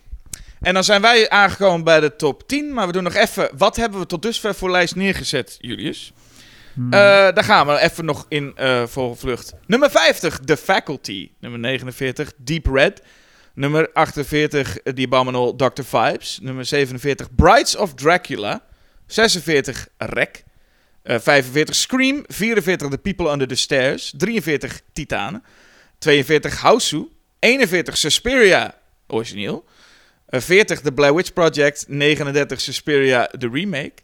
38 The Devil's Rejects. 37 Eyes Without a Face. 36 Get Out. 35 Onibaba. 34 Tucker and Dale vs. Evil. 33 Vampier. 32 Day of the Dead. 31 Henry Portrait of Serial Killer. Nummer 30 He- Howling 2 Your Sister is a Werewolf. 29 Black Sabbath. 28 The Witches. 27 The Wicker Man. 26 In the Mouth of Madness. 25 Images. 24 Rosemary's Baby. 23 Kwaidan. 22 Demon Knight. 21 Nosferatu.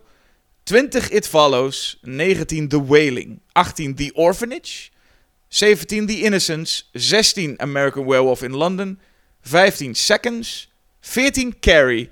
13 The Exorcist. 12 The Changeling. En 11 The Evil Dead. Het is een rare lijst tot nu toe. Een rare lijst. Maar een goede lijst. Er staan geen slechte films op. Dat zeker niet. Eh, nee. En wat gaan we nu krijgen? ik heb hierbij ook even ge- bij deze nummer 10 even ge- eh, gedacht: is dit horror? Dat jij al een paar keer had volgens mij eh, met het lijstsamenstellen. Ik heb het wel gedaan.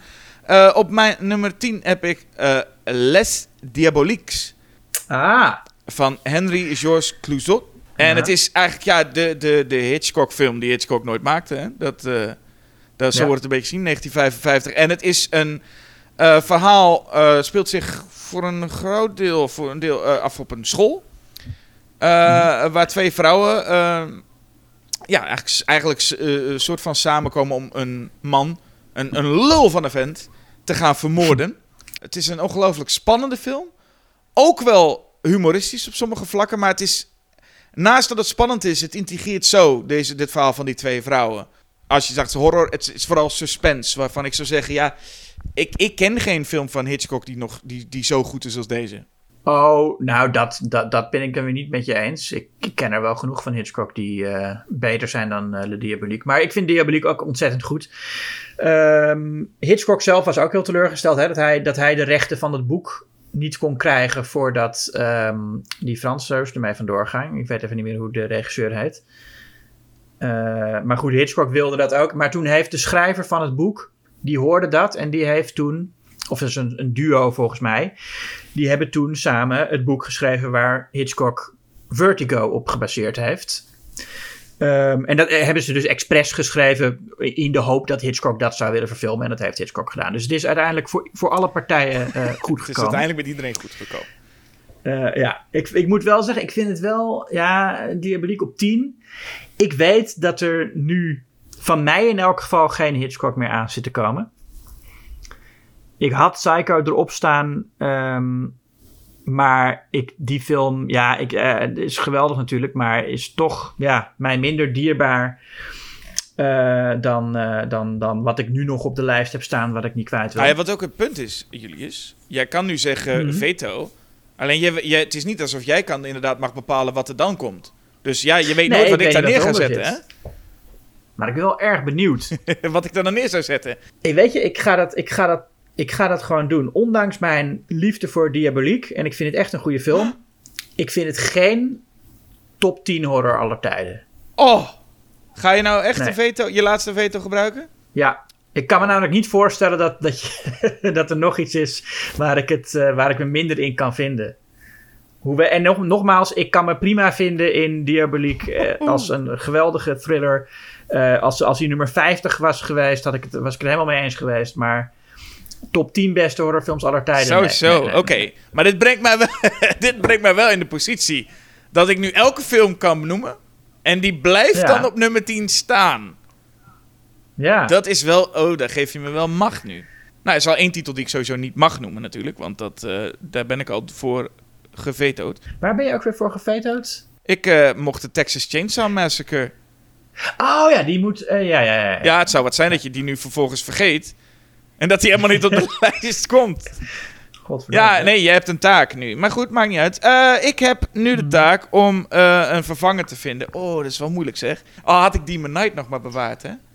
Dat zou zo mooi in nummer 10 zijn. Ehm, Oké, fuck it. Ik wilde deze titel eigenlijk niet doen. Ik ga hem wel doen. Ik ga voor Kubrick's The Shining. Oh, oké. Ja. Had ik eigenlijk niet op de lijst staan, omdat ik het bijna een beetje saai vond. Om, Ja, is ook. Maar ja, ik, ik, ik, ik vind hem wel belangrijk om erbij te hebben. Ik had hem, eh, ik had hem hoger staan. ik zie nu wat voor lijst we aan het maken zijn. En ik denk, nou ja, eh, als we zo'n lijst aan het maken zijn, dan moet het maar. Ja. nou zeg. Ja, nee, het is, het, oh, het, is, het is ook prima. Ik heb, ik bedoel, we hebben, we- ik heb mijn, eh, ik heb mijn Demon Knightjes en mijn, mijn Howling 2's erin zitten. Maar The Shining wordt het dan. Ehm, ik wilde eigenlijk zeggen dat voor mij eh The Carrie, die ik dus eh, op nummer 14 had gezet, de, de beste Stephen King verfilming was. Maar The Shining komt ook wel echt in de buurt. Is gewoon te veel al geroepen als een van de beste horrorfilms aller tijden. En het klopt ook wel dat hij ontzettend goed is. Ja, de laatste keer dat ik hem zag, ehm, was ik natuurlijk weer onder de indruk van het camerawerk, van de muziek van Wendy Carlos. Maar voor het eerst eh, viel het mij eigenlijk op hoe zielig eh, Jack Torrance is. Hoe zielig die is. Ja, hoe, hoe machteloos en hoe echt pathetisch in zijn, in zijn gedrag en, en zijn, zijn snelle agressie naar mensen. En, terwijl, wat stelt hij nou helemaal voor, weet je wel? Hij doet alsof hij een heel een schrijver is die heel hard moet werken, maar ja, wat, wat, wat, Ja. waar gaat het nou eigenlijk over, die man? Eh, en, en dat maakt het ook wel een veel effectiever verhaal nog. En dat is wel grappig, omdat dat juist het element is waar Stephen King zelf het, dus, eh, de film vooral voor afrekent. Het feit dat er dus geen, überhaupt geen sympathie, empathie voor eh, Jack is. Nou, ik bedoel zielig ook niet in de zin van dat ik sympathie voor hem heb. Nee, maar, Maar- Het, het, het is in principe voel je al bij, voordat we überhaupt in het hotel aankomen zijn, dat het al een beetje een psycho is waar we mee te maken hebben. Zo voelt het in ieder geval voor Ja. de meeste mensen, mede door de casting van Nicholson. Ja, nee, tuurlijk. En dat is, nou goed, dat, dat is natuurlijk waar Stephen King zijn mening over heeft. En weet je, dat de, de, de schrijver van een boek is de laatste die je moet vragen hoe goed de verfilming is. Eh, ik, ik vind het eh, juist heel goed werken in deze film. Dat we, we zien al dat Jack heeft gefaald als echtgenoot en als vader en als schrijver. En dat eigenlijk zijn falen, dat is waar die hele film eh, om draait. De laatste keer dat ik hem zag, had ik dat gevoel heel sterk. Nou ja, dus dat, daarmee trappen we de, de, de, de, de top 10 af. Mede dankzij jou, omdat jij gewoon eh eh Le Di- eh, Diabolique eraf gooit. En nu zit ik echt met een veto nog in mijn hand. Dat ik denk, ja, nu gaat hij er ook aan ook. Ik ga hem gebruiken, Julius. Maar ga je gang, of dat bij nummer 9 al is. Ik zit nou even te kijken, want ik heb in mijn top 10 een aantal films die nu reeds genoemd zijn. Ehm, ik zal eens even kijken. Ik kan natuurlijk zeggen eh Mulholland Drive. We gaan straks de regel invoeren Nee. dat de eerste titel die je noemt, blijft ook vast al staan. Dus dan gaan we niet meer steeds heen en weer. Nu is het ook dat zometeen... Ja, nee, je hebt gelijk. Maar nee, weet je, ik, ik, ik, ik overwoog Mulholland Drive. Ik wil wel nog wel even zeggen waarom ik die niet doe. Omdat ik dat, vind ik toch iets te veel een twijfelgeval of het, of het horror genoemd mag worden. Eh, wat mij betreft is het absoluut een horrorfilm. Maar ik, ik, ik heb hier toch een beetje van, ah nee, top, top 10 horror. Dan moet je toch wat meer conventionele keuzes ook wel doen. Dus ik zet op. Wacht even, van wie moet dat? Ik heb die regel niet bedacht, hè? Dat is je eigen regel nu. Ja, nee, maar dat, dat, dat voelt zo voor mij. Dat voelt zo. Ja? Ik, ja. Dat is namelijk ook de reden dat ik Jaws eigenlijk lager had. Omdat ik dat, dat is ook niet een film waarin ik, als ik denk ik wil een horrorfilm zie, zien, dan denk ik niet aan Jaws. Hoewel het een van mijn lievelingsfilms is, is het niet, eh, ik, ik geniet, ik krijg van die film niet de geneugden van horror. Nee, oké, maar ik zou in ieder geval nog willen stellen... eh we hebben eh, in Schokkend Nieuws ook een top 100 ooit geplaatst. En, en er zijn, als je nu gaat googlen, genoeg lijstjes. En ik zou zeggen, ga voor een lijst, dat is mijn eh, mening... ook voor een lijst die niet zo per se is dat alle titels... want ja, anders kunnen we inderdaad de Exorcist Shining en zo allemaal lekker op in de top 10 zetten. Niet, niet dat ik, ik bedoel, ik, ik ben er ook in gestonken. Ik heb nu ook The Shining maar geplaatst op 10. Terwijl ik eigenlijk dacht, nee, die moet ik gewoon überhaupt niet noemen, want dat weten we nu wel. Dus ik verval ook in die eh, clichés. Maar ik zou lekker voor je gevoel gaan, Julius. Dus je hebt Evil Dead al geplaatst. Maar wat wordt 9 dan? Nee, maar het is juist, juist mijn gevoel zegt dat ik Mulholland Drive niet moet doen. Maar Maar is goed, maar dan wat gaat er dan wel zet, komen? Zet ik op 9 The Incredible Shrinking Man. Wat natuurlijk ook niet. Ja, dat is ook helemaal geen horrorfilm eigenlijk. Nee. Maar ik had. Ik, ik, ik- nou ja, ik, ik kwam hem. te- ik zat op Letterboxd namelijk te kijken. Met deze lijst eh, eh, samen te stellen. Ja. En toen zag ik dat deze film als genre horror heeft. En dat had ik, ik had hem zelf nooit, ik was er zelf nooit opgekomen als ik had, eh, als ik, als ik deze lijst Geef Letterbox samen maar weer de schuld van dat je deze film nu doet. Maar nu spreek ja, ik ben helemaal in de war natuurlijk, want, eh, want ik, ik, het is zo verwarrend lijstjes maken, Jasper. Waarom is dit zo? Waarom spreek ik mezelf zo tegen? Toch is het een van de grootste liefhebberijen van filmfans, hè, hoor ik vaak. Dus, Ja. en, eh, maar goed, ik geef je dan nog wel één keuze. Ik, ik zet hem nog niet neer. Wat wordt nummer 9? Of heb je het nu definitief op nummer 9 geplaatst? Nee, Mulholland Drive wordt nummer 9. Dat vind, is toch een, meer een film dan Incredible Shrinking Man. Wat ook een van mijn lievelingsfilms is. Maar dat, ik, ik vind het fijner om die te zeggen... nee, dat is gewoon geen horror. Die hoort in de, wat mij betreft... een van de allerbeste science fiction films aller tijden. Wat leuk, jij vetoot jezelf de hele tijd. Dat is ook wat. Ja, Mulholland Drive. Dat is de horrorfilm die op 9 komt. Eh, we weten waarom. Je, je hebt die scène met het muurtje en het mannetje. Of trouwens, eh, dat is leuk om te vertellen. Het is een vrouwtje, hè? Die, die, eh, de, de, de, Het is de nun. persoon. De, ja, het is de nun. God, het is de actrice die de nun speelt. Ik had, ik had altijd in mijn. Voor mij is dat gewoon een man die daar staat. Maar het is een Bonnie, dame. Bonnie Arends zeg ik uit mijn hoofd. Maar, ik- of in Ja. ieder geval, ik weet niet precies de achternaam. Maar inderdaad, het is eh, een, nonnetje en een, en een muurtje. Ja, maar niet alleen dat. Het is ook de, de, de, de, de scènes in het, in het theater waar eh, eh, mevrouw staat te zingen. Het is de, de, de, de enge kleine bejaarden die uit een, uit de, ergens vandaan kruipen. Het is de... Zit je nou te lachen? Ja, natuurlijk, de enge kleine bejaarden. Dat is, ik bedoel Ja. even, want je zei net over een andere film met Evil Dead, zei je met kaartenraad. Ik hoop dat mensen het gezien hebben. Want anders dan... en nu ga je gewoon helemaal los en denk je, ja, ook als je dit niet gezien hebt, jongen. De, de kleine bejaarden die ergens uitkruipen. Ja, het is, ja en, heel veel van die film eh, heeft niet echt een, een horrorsfeer. Maar heel veel ook wel. En ik denk, het, het is echt een beangstigende film uiteindelijk. Het, ja, het is ook een film, nou ja, goed. Ik heb mezelf net voorgenomen de woorden nachtmerrieachtig en droomachtig niet te gebruiken. Maar ja, als je het over Lynch hebt, is wel een ontkom je er haast niet aan. En ik, ja, de stijl van. Hij, Lynch heeft films gemaakt die ehm, misschien meer als horrorfilm eh, te verdedigen zijn. Eraserhead en zeker eh, eh, Twin Peaks Fire Walk With Me. Is misschien meer een conventionele horrorfilm dan Mulholland Drive. Lost Highway misschien ook, Inland Empire. Maar ik vind zijn beangstigend surrealistische stijl in Mulholland Drive toch het beste uit de verf komen. Oké. Ik zit te twijfelen of ik hem veto. Maar ik zit ook te denken, weet je, je hoeft niet... Je hoeft je veto niet te gebruiken. Hè? Dus ik laat hem niet... Ik, ik gebruik hem niet. Hmm. Maar ik had hem nooit zo gezet. Ik ook niet, maar het kwam ervan. Het, komt, het, het overkomt je. Ja, kun je niks aan doen. Oké, eh, ik, ik, ik- helemaal prima, maar dan een druif op 9. Dan ga ik eh, naar nummer 8. En dat is, eh, ja, ik heb hem eh, bij jou eh, als veto gebruikt. En ik ga hem dus nu inzetten. Jaws. Bijna op de plek waar ik hem in mijn oorspronkelijke lijst had staan. Nou, kijk, alsof ik het wist. Ja. Ehm, en de reden dat ik daar Jaws heb, is...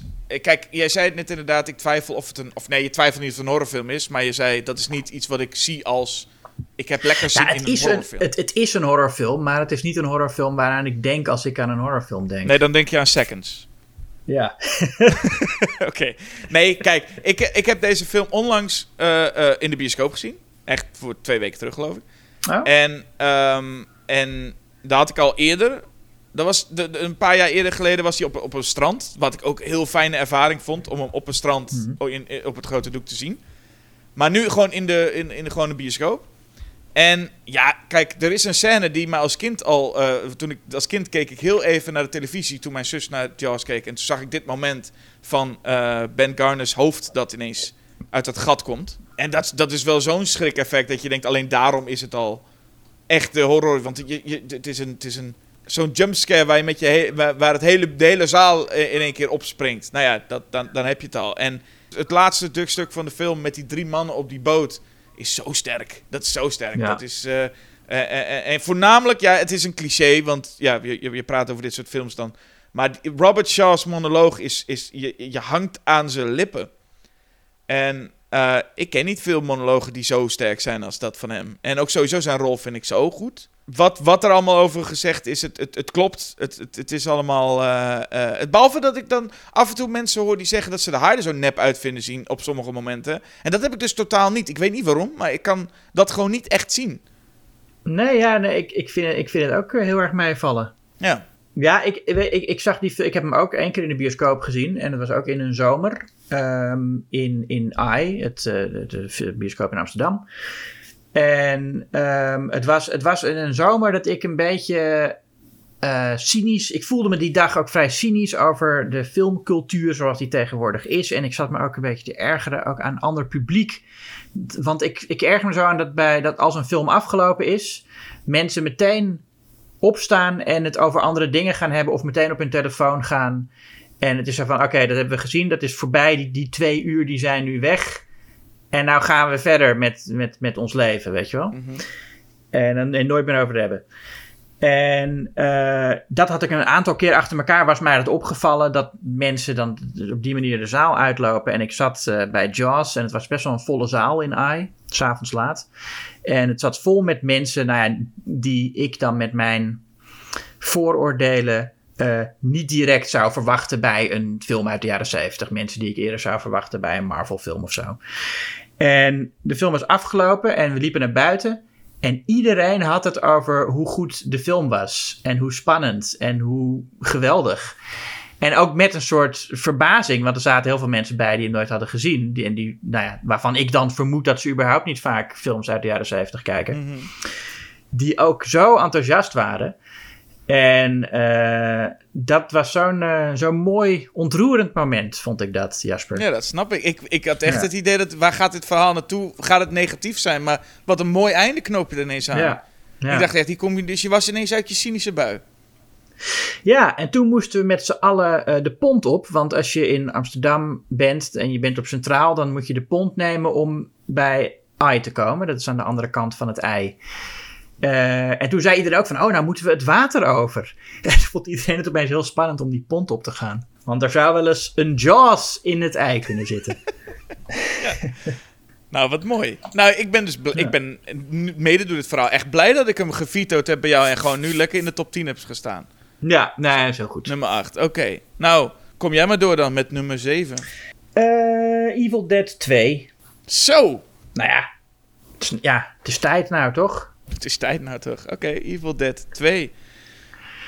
Ja, en eh, het is... eh, Ik vind dat geen keuze voor jou bijna, zou je zeggen. nee, maar dat is dus het is nogmaals... plezierfilm. Ik Weet denk, je wat, is- ik allemaal niet heb genoemd? Wat, hier, wat ik allemaal op de lijst had staan. Waarvan Ja, ik waars- er van waarschijnlijk- uitging dat jij ze ging noemen. Waarschijnlijk nog een paar eh, Russische films van vier uur in zwart-wit. En dan ga je nu Evil Dead 2 noemen, Julius. Wat doe je? Nee, niks ervan. Evil Dead 2. nou ja, nou ja nee, dat is, dat is namelijk ook helemaal mijn ding, Jasper. Je denkt wel dat ik alleen maar van Russische films van vier uur hou. Maar jij hebt gewoon plezier ook. Ik hou ook van amusementsfilms, Jasper. Evil Oh. Dead 2. Nou ja, ja wat ik, het is, het is eh, eigenlijk op alle vlakken een eh, superieure film aan The Evil Dead. Ik heb ook best wel spijt dat ik, dat ik Evil Dead al gebruikt heb. Waar ik ook Psycho had kunnen zetten of zo. Maar je hebt nu twee Evil Deads dicht bij elkaar. En Ja, Hitchcock nou ja. die komt er gewoon nu heel slecht vanaf, hè?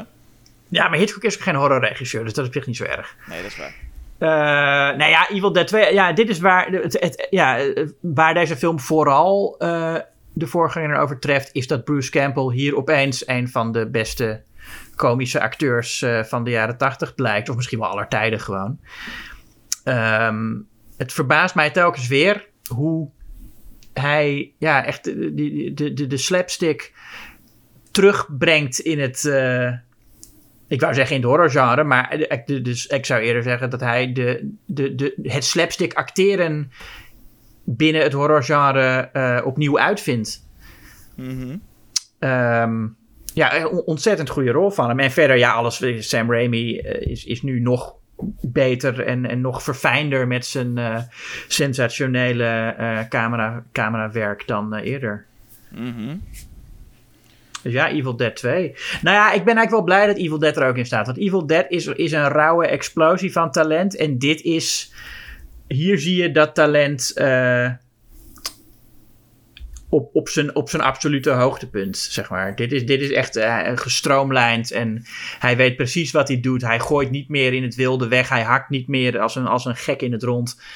Hij uh, weet nu echt heel, hij is nu heel gericht bezig. Ik denk ook dat The Evil Dead een beetje een ondergewaardeerde film op dat vlak is. Omdat hij ook gewoon overal standaard van de lijst af wordt gegooid. Omdat Evil Dead 2 er nou eenmaal is. Ja, nou ja, daarom is het goed dat wij hem hebben. Ik ben, ik, ik, ik ben weer terug. Ik vind het goed dat, die, dat, die, dat we Evil Dead en Evil Dead 2 hebben. Ik ga ook helemaal akkoord natuurlijk. Hè. Ik bedoel, het zou wat zijn dat ik de, ja, ja, een van de beste, uh, beste horrorcomedies alle tijden... en dan ga zeggen, nou ik veto deze. Hmm. Maar ik heb nog steeds die veto vast hoor. Kijk maar uit. Uh, maar eerst ga ik. En dat is wel fijn, dat ik nu alles wat ik nu zeg, dat moet gewoon blijven. Maar ik heb niet de hele... Nou, ik ga toch een film. Uh, ja, want ik heb nog drie titels die ik mag noemen. En op nummer 6, Julius. Ja. Ongetwijfeld veel te hoog voor jou. Maar ik ga hem wel op nummer 6 zetten. Uh, vrij recent. Mijn meest recente film, 2018. Oh. Hereditary. Oh. Oh. Godverdomme, had ik nou die veto maar niet verspeeld. Ja, ik, ik, had, oh. ik dacht al van dat jij dit veel te hoog zou gaan vinden. Um, maar voor mij is, het, uh, is, is dit een uh, top 10 waardig. Hm. Er, zijn, er zijn weinig films die zo in mijn hoofd blijven spoken als deze film. Tony Collette is zo ontzettend goed in deze, in deze film. En de keuzes die Ari Aster maakt.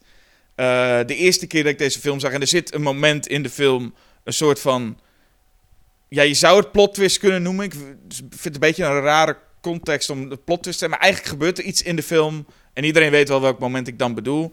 Hmm. En je denkt echt, holy fuck, waar gaat dit dan naartoe? Je weet, je bent even echt, echt... Ik was die eerste keer dat ik deze film zag, echt dat ik helemaal ondersteboven was met... Ik dacht even dat ik aan zag komen waar het heen ging en totaal niet.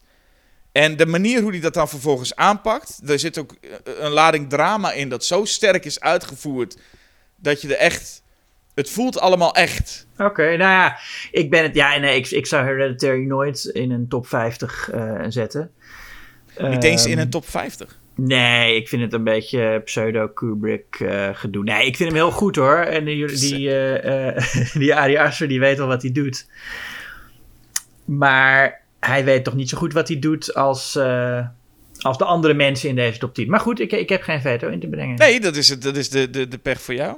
Nou, dan kom ik met nummer 5. Mm The Fly. Uh, ja, Cronenberg, body horror natuurlijk. Um, uh, ja, wat is The Fly? Het is voor mij een film over iemand die gefascineerd raakt door het monsterlijke in zichzelf. En dat is al een, een gaaf begin. Je hebt veel films waarin mensen in monsters transformeren en daar dat niet willen. Hè. De American Werewolf in London en zo gaan. En, en eigenlijk alle weerwolffilms gaan over van ik, ik, ik wil geen monster zijn. En hier is iemand die zijn monsterlijkheid gewoon accepteert en onderzoekt. Uh, wat ook iets is wat ik bij mezelf herken vanwege mijn hersentumor. Dat, dat, ja, dat is gewoon deel van mijn lichaam. En dat vind ik wel interessant of zo. Ik, en ik accepteer dat het er zit. Want ik kan er verder toch niks aan doen. En dat is hoe, uh, hoe, hoe Seth Brundle zijn transformatie tot Brundle Fly ook uh, ziet. En het tragische eraan is dat Brundlefly ook, ja, het, het zou een heel goed functionerend wezen kunnen zijn. Hè? Het is niet, het, hij is van, het is niet per se een monster van zichzelf. Het is gewoon een nieuw soort verschijningsvorm. Maar omdat er geen plaats voor is in de wereld, is het een monster. En dat is ja, ontzettend tragisch. Het is een van de grote horror-tragedies, deze film. En ik hou ervan.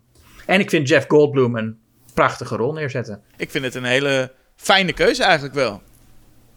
Dus ik laat deze zeker staan, nummer 5, The Fly. En we gaan door in deze top 5 naar nummer 4. En The Fly wordt altijd genoemd als een van de beste remakes ook. Uh -huh. en ik ga een andere noemen. Ja. En nee, ik ga niet The Blob noemen. Ik ga The Thing noemen. Ja. Ja, daar zat ik op te wachten. Ja, daar zat je natuurlijk op te wachten. Uh, maar is het nou echt zo dat ik die zou noemen en jij niet? Nee, die zou ik ook noemen. Ik had hem wat lager staan, maar hij staat absoluut op mijn lijst. Oké, je had hem wat lager staan. Dan ben ik wel even benieuwd, wat noemen ze, noemen ze een, waar zou je hem ongeveer gezet ik, ik had hem hier op 14 staan. Oef, 14. Ik, ik, hij zou ook in de top 10 kunnen, maar ik had hem op 14. Ja, het is een film waar ik toch iets minder voor voel en dat is eigenlijk de enige reden de, de- die ik nu kan geven. Want het is natuurlijk echt een perfect gemaakte film.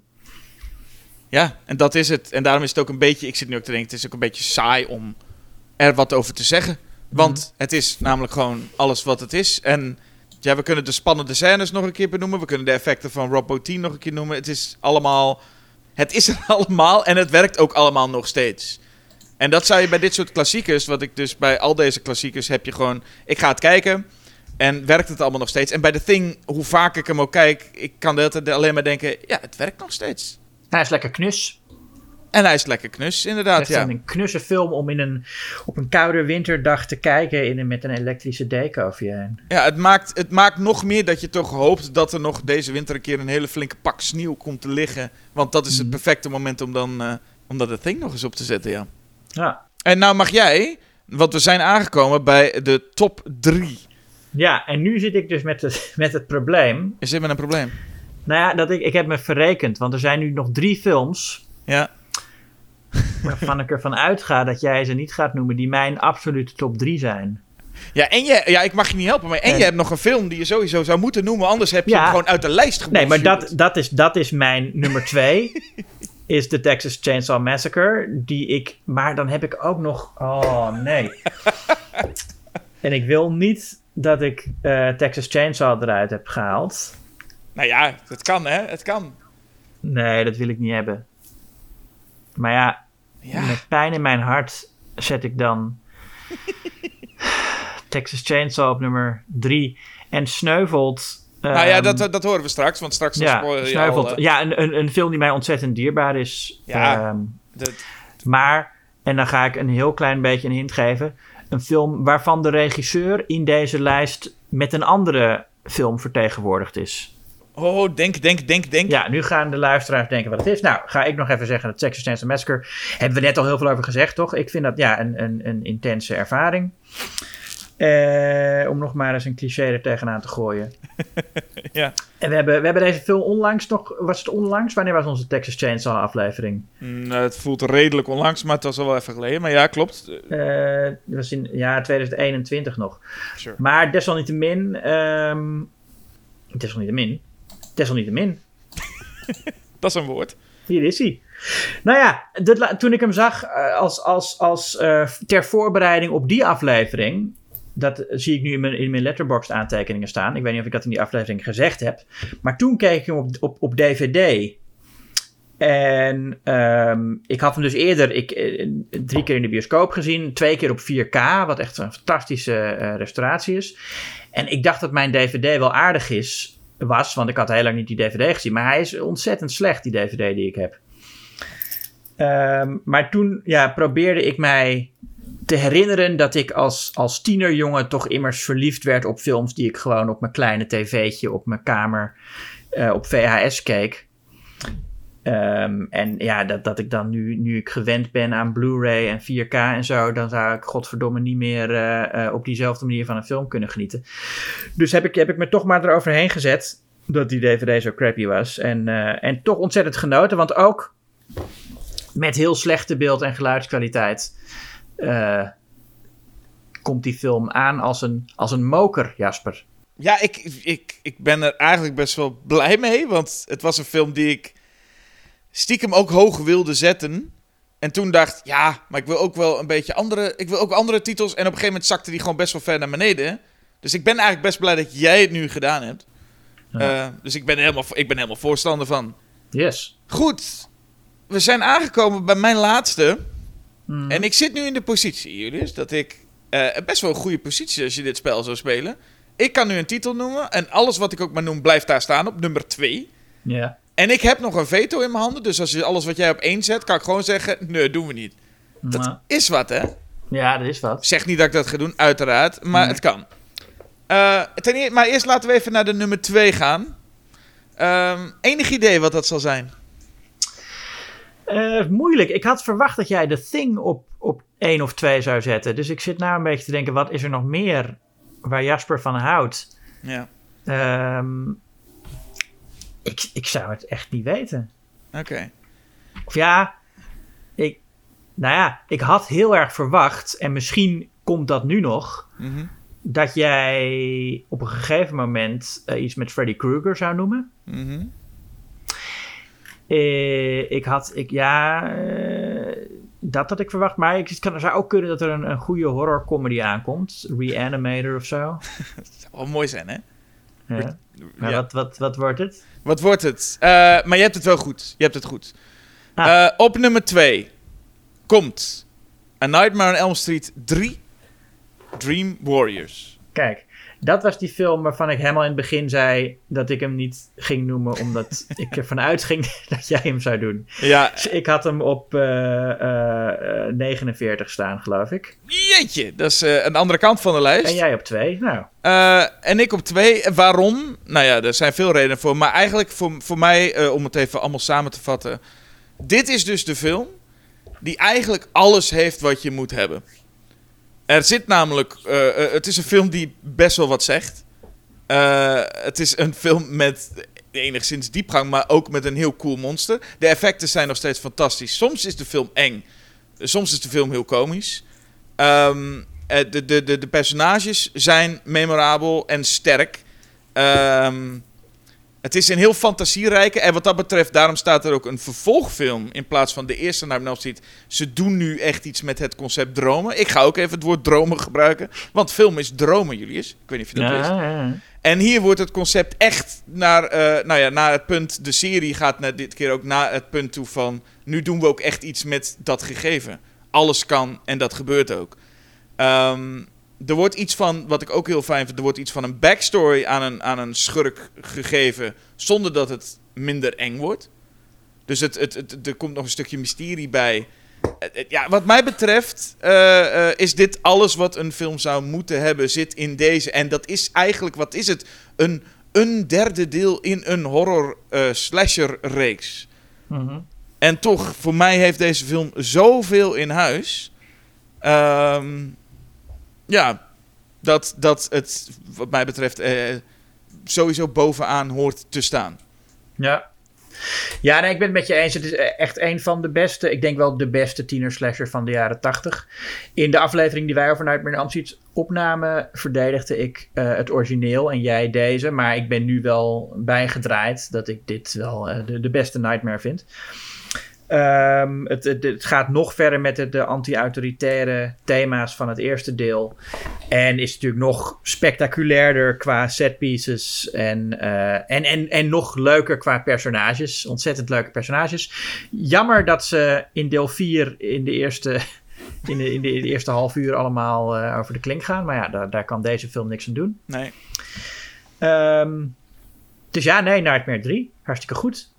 Ja, neem gewoon, ik bedoel, hè, laten we nog even stilstaan bij die jongen die eh marionettenpoppen maakt en dan vervolgens zijn pezen worden eruit gesneden en dan wordt Ja, hij, vreselijk. loopt hij richting eh, een toren en wordt hij daar, valt hij daar naar beneden. En los van dat het een akelige scène is, ergens Mhm. ook komisch, want ik bedoel, Freddy hangt boven hem met zijn, dat hij aan die touwtjes als een, als een poppenspeler en vervolgens wordt een heel discussie gaande over zelfmoord en Ja. eh, bij, bij jonge tieners. En nou ja, goed. Alles heeft. Dit, deze, dit, gewoon alleen dit stukje heeft al alles.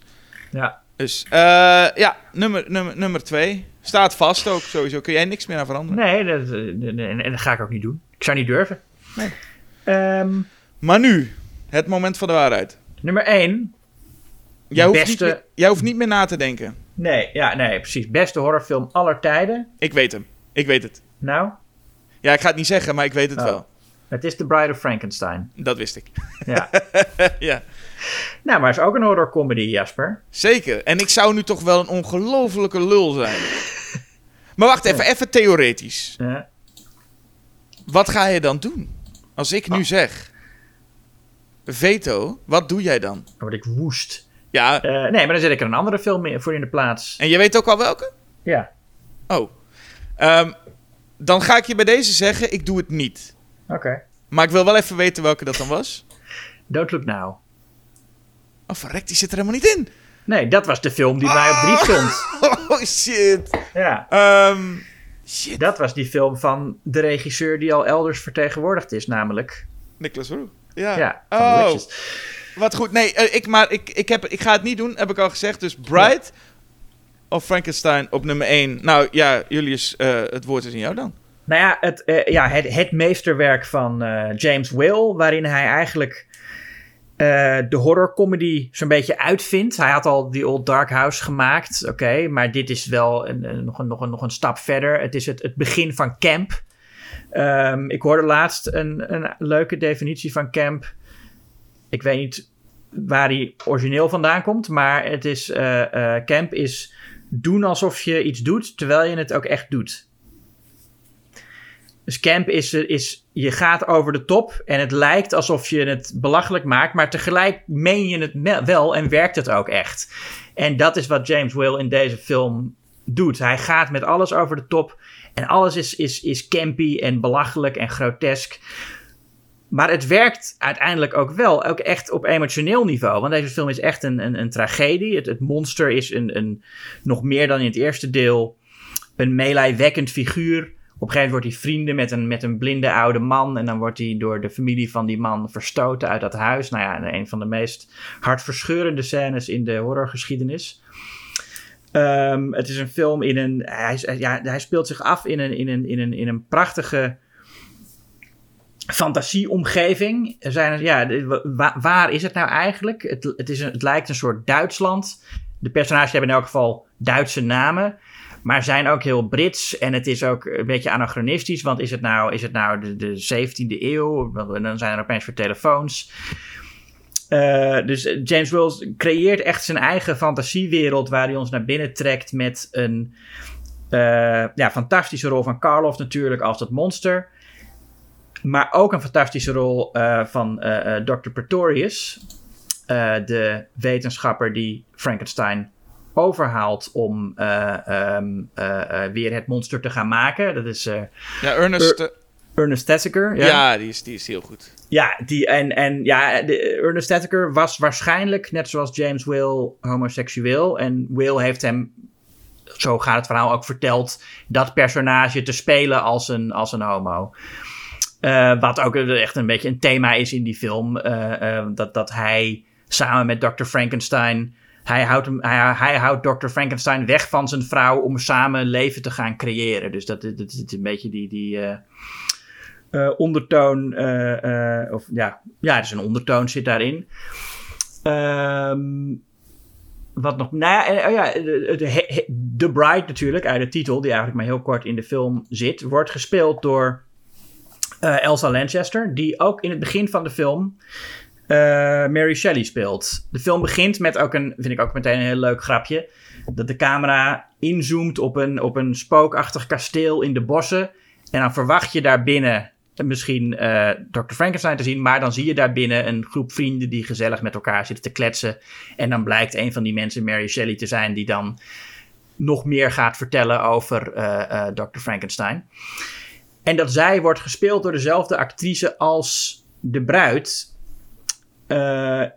Is misschien wel een, een, verwijzing van James Will dat hij als verteller van dit verhaal zich ziet als het monster als nou ja, een van de weinige openlijk homoseksuele mensen in, uh, in, in Hollywood in die tijd. Um, zal hij natuurlijk ook uh, te maken hebben gehad met uh, het gezien worden als monster. Um, nou ja, dat, ik, ik heb nou wel al heel veel gezegd, hè? Ja, je hebt heel veel gezegd, maar dat mag ook, want het is nummer 1. Ja, het is nummer 1, ja. Nou ja, ik, ik, ja, ik, vind het, ik vind het een goede nummer 1. het zou wat zijn dat je nu zegt, ik vind het eigenlijk niet goed. Eens. Ja, ik heb hem laatst opnieuw gezien. Zowel Frankenstein als dan The Bride of Frankenstein. Ik dacht nog, toen ik het ging kijken, dat ik dacht... In mijn herinnering was er toch niet zoveel verschil tussen Frankenstein en Bride of Frankenstein qua toon en zo. Hmm. En nu dan opnieuw gekeken, dacht ik... Oh shit, dat is echt wel een, een, een wereld van verschil. Ja. En, en gewoon dat je bij Frankenstein, oké, dat is een, een, een, zoals ik een beetje hem had herinnerd. Hè? Zo is de eerste Frankenstein. En toen kwam ineens dus Bride of Frankenstein, die mij voor een groot deel ineens naar Monty Python bracht. En ik dacht, wat, wat zijn, waar zijn we nu? Ja. Uh, en dat is een hele bijzondere ervaring, ja. Ik stond trouwens op het punt, want daar komen we zo ook even bij een paar dingen. Wat had je ook willen, willen mogelijk in de lijst willen gooien? Mm -hmm. uh, ik had nog een andere film van James Whale, die ik misschien nog wel zijn beste vind. En dat is The Invisible Man. Oh ja. Die had ik eigenlijk bijna willen plaatsen. Maar eh, ik ben blij dat hij er op deze manier eh, in zit. Nou, Eh, zal ik nog even de top 10 in ieder geval doen voor mensen? ja. Dan is hier nog even de top 10. De rest, dat, dat, moet je de podcast maar terugluisteren. Eh, onze top 10 is 10 The Shining. 9 Mulholland Drive. 8 Jaws. 7 Evil Dead 2. 6 Hereditary. 5 The Fly. 4 The Thing. 3 The Texas Chainsaw Massacre. 2 Nightmare on Elm Street. 3 Dream Warriors. En 1 Bride of Frankenstein. Dus drie vervolgfilms zitten in de top 10. Wauw. Interessant. Ja. Wie zegt het toch dat vervolgfilms niet beter zijn? Nou ja, dat, dat is inderdaad. Misschien moeten we daar. Hebben we daar, hebben we daar een keer een aflevering over gedaan? Misschien Over wel. vervolgfilms. Nou ja, dat zal. Maar eh, dat, dat, eh, dat, dat, is, dat is een cliché dat in elk geval in het horrorgenre. volgens mij eh, lang niet altijd opgaat. Zeker niet, zeker niet. Maar ja, dit is hem dan. Ja. En ik heb nog wel een veto over, dus die heb ik maar nou, niet gebruikt. Maar verder, ja, wat hebben we eigenlijk? Nou, wat, nou, er zijn een paar dingen weggestemd dus. Eh Le Diaboliques is in ieder geval eruit gegooid. Ja, zonde. En, ja, en, en eh, ehm, nou ja, Texas Chainsaw Massacre en Jaws zijn gevetood, maar die zijn uiteindelijk toch goed terechtgekomen. Ja. Eh, nou ja, ik, even kort nog. Jullie is gewoon puur. Er zijn dus een paar titels die er niet bij jou ingegaan zijn. En dat in ieder geval, dat is wel de, de meest. eh, nou ja, de duidelijkste is Don't Look Now. Ja, dat is toch het meeste spijt. Ja, dat is ook gewoon fout gerekend. Eh, ik, had, ik had nooit Mulholland Drive op 9 moeten zetten. Nou ja, Het is wat, hè? ehm, daar had Don't Look Now moeten staan. Of eigenlijk, ja, bij mij staat hij op 3. ja, ook ja, eh, meesterwerk van Nicholas Roeg met ehm, een van de allerengste eh Seksscènes. slotscènes. Of nou, Oh. niet slotscènes, maar momenten die ik eh, in, in, in mijn kijkgeschiedenis. Kijk, Roig is qua montage vind ik hem een heel interessante regisseur. En montage is toch ook wel een van de meest ondergewaardeerde aspecten van filmmaken. Ik denk dat eh, heel veel montage is gewoon een beetje functioneel. En als je het niet ziet, is het goed, zeg maar. Eh, maar ja, montage is echt wat, wat film tot film maakt. De momenten waar je knipt en hoe je dingen aan elkaar plakt. En Roig is daar nog veel experimenteler mee geweest. En in Don't Look Now houdt hij zich in, wat dat betreft. Maar hij laat wel zien eh, hoe je met montage binnen de eh, begrenzingen van een genrefilm heel veel voor elkaar kunt krijgen. Oké, en dan ga ik nu, want we kunnen elke film nog uitgebreid bespreken. Maar dan ga ik nu nog gewoon om een paar titels vragen. Als je zegt, zijn er nog een paar titels waarvan je dacht, die had ik eigenlijk ergens in de lijst willen terugzien? Net niet geworden. Eh, ik vind het jammer dat Reanimator er niet in zit. Die had ik erin staan. Mhm. Ehm, ik had, even kijken, Dark Water of Honogurai Miso no Sokokara van eh, Hideo Nakata. Ah, ja. Ik had ook Ringu, had ik iets lager. Ja, Psycho vind ik erg jammer dat hij er niet in staat. Ja. Ehm Haxan, of Hexen, ik weet niet zo goed hoe je het uitspreekt, uit 1922. Mhm. Black Christmas, Halloween, Ja. Invasion of the Body Snatchers, eh, The Haunting, The Witch. eh, en dan had ik nog een paar soort wildcards. Ik vond, ik, ik, ik heb Frankenstein Created Woman had ik er nog in staan als een, eh, als een wildcard. En even kijken. Nou, ik denk, ja, Dead of, nee, niet Dead of Night. Die heb ik uiteindelijk niet, niet gedaan. Hmm. Carnival of Souls was ook leuk geweest. Kijk, dit is dus toch wel een paar wildcards en dat zijn altijd wel de leukste, vind ik. Ja, en had ik al Ghostwatch gezegd? Nee. Oh, ja, die, die, dat is eentje die zag ik laatst voor het eerst, die ik ook wel erg goed vind. Maar daar moeten we misschien er ook gewoon een keer een aflevering over hebben. Precies, er zit genoeg eh, materiaal in eh, waar afleveringen uit eh, voort kunnen komen. Ik had zelf nog een paar titels. Ik had in ieder geval dus The, The Invisible Man van James Will bijna ge- gedaan. Mogelijk, ik zat zelfs bijna te denken van, oh, de nieuwe Invisible Man potentieel Oh, ja. als ook nog wel iets geweest. Mhm. Eh, wat je zei, Reanimator had ik ook. Stond eigenlijk ook net op het lijstje van wel niet. En hetzelfde geldt voor Return of the Living Dead. Ja, had ik ook nog staan, ja. Ja, ehm, wat betreft J-horror, want je had er net... eh, ik, ik had Noroi, The Curse, die had ik ook eh, hoog staan. En ik dacht toen op een gegeven moment, ja, ik heb al genoeg meer found footage. Ja, het is niet helemaal found footage, het is een beetje found footage slash mockumentary, maar dat ligt soms dicht bij elkaar. Eh, had ik mogelijk willen plaatsen, ja. En Evil Dead 2 had ik ook op een lijstje staan van, nou, misschien. En toen kwam jij ermee, dus dan komt het alleen maar Ah. goed uit op zo'n moment, hè. Ja. Maar ik ben, wel, ik, ben wel, ik ben wel content eigenlijk, want het is een hele rare lijst en daar ben ik eigenlijk wel blij mee. Het is een rare lijst. Het is een incomplete lijst, zoals alle lijsten. Maar het is wel een lijst met alleen maar goede films. Voor zover ik weet dan, want ik heb ze niet allemaal gezien. Nee, dat, je komt er nog op terug als je Tucker en Dale versus Evil gezien hebt, hè? Ja, ja, Ja, ja. nee, dat En, is goed. heb ik, en ik heb Rack. En dat zijn volgens mij de enige twee die ik niet gezien heb van jouw lijst. Oh, maar twee, joh. Ja. Nou, dat valt toch reuze mee. Ik heb nog wat meer inhaalwerk werk te doen.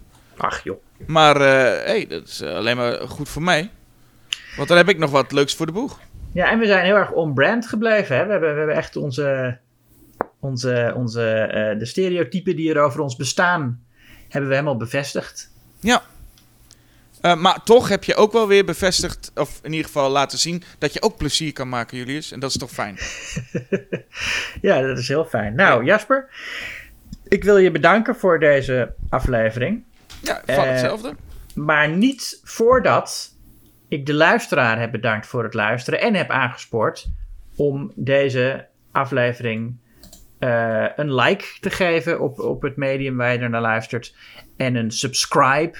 Eh, en en eh, als er andere dingen zijn waar je op kunt klikken, duimpjes omhoog of zo, weet ik veel waar je, naar, waar je luistert, wat er allemaal kan. Maar als het kan, dan moet je erop klikken. En je moet ook een abonnement nemen op Schok het Nieuws, het tijdschrift. .nl, eh schokkendnieuws.nl, moet je ook naartoe. En op Facebook en Twitter en Instagram ons volgen. Eh, ja, ik, ben, Nou, ik dan- zit er helemaal doorheen, hoor je dat? Ik ben helemaal, ik ben helemaal, helemaal klaar. Snap ik. Maar ik denk als, als luisteraars dat doen, dan zijn ze wel up- up-to-date wat betreft Schok het Nieuws. Ja. Ehm, en, en, en verder reageren onder deze podcast maar met alle titels die ontbreken. Ja, oh ja, doe dat. Want dat gaat ongetwijfeld gebeuren. Maar je mag ook Ja. inderdaad gewoon zeggen, wat vind je nou van deze lijst? Ehm, en, eh, Belachelijk dat Urban Legend er niet op staat. Vind ik ook. Maar goed, wie weet komen we ooit als aflevering 100 zover is, maken we een alternatieve top 100 en dan komen alleen maar dat soort titels. Ja. Eh, ehm, ik vond het een interessant experiment. Ik, het enige wat ik nog eh, rest te zeggen is wat we volgende keer gaan doen. En dat hebben we eigenlijk ook al een beetje aangekondigd in onze vorige aflevering, maar toch nog even. Want het is bijna Halloween. Dus luister ook Oh, vooral naar onze volgende aflevering. En daar gaan we in Julius versie Jasper praten over Halloween 5 tegen Halloween Kills. Tja, nou al zin in. Dat wordt ook wat. Eh, ik zou zeggen, bedankt Julius voor deze, deze 50 afleveringen. Ja, jij ook. En eh, luisteraar en Julius, tot de volgende keer. Tot volgende keer.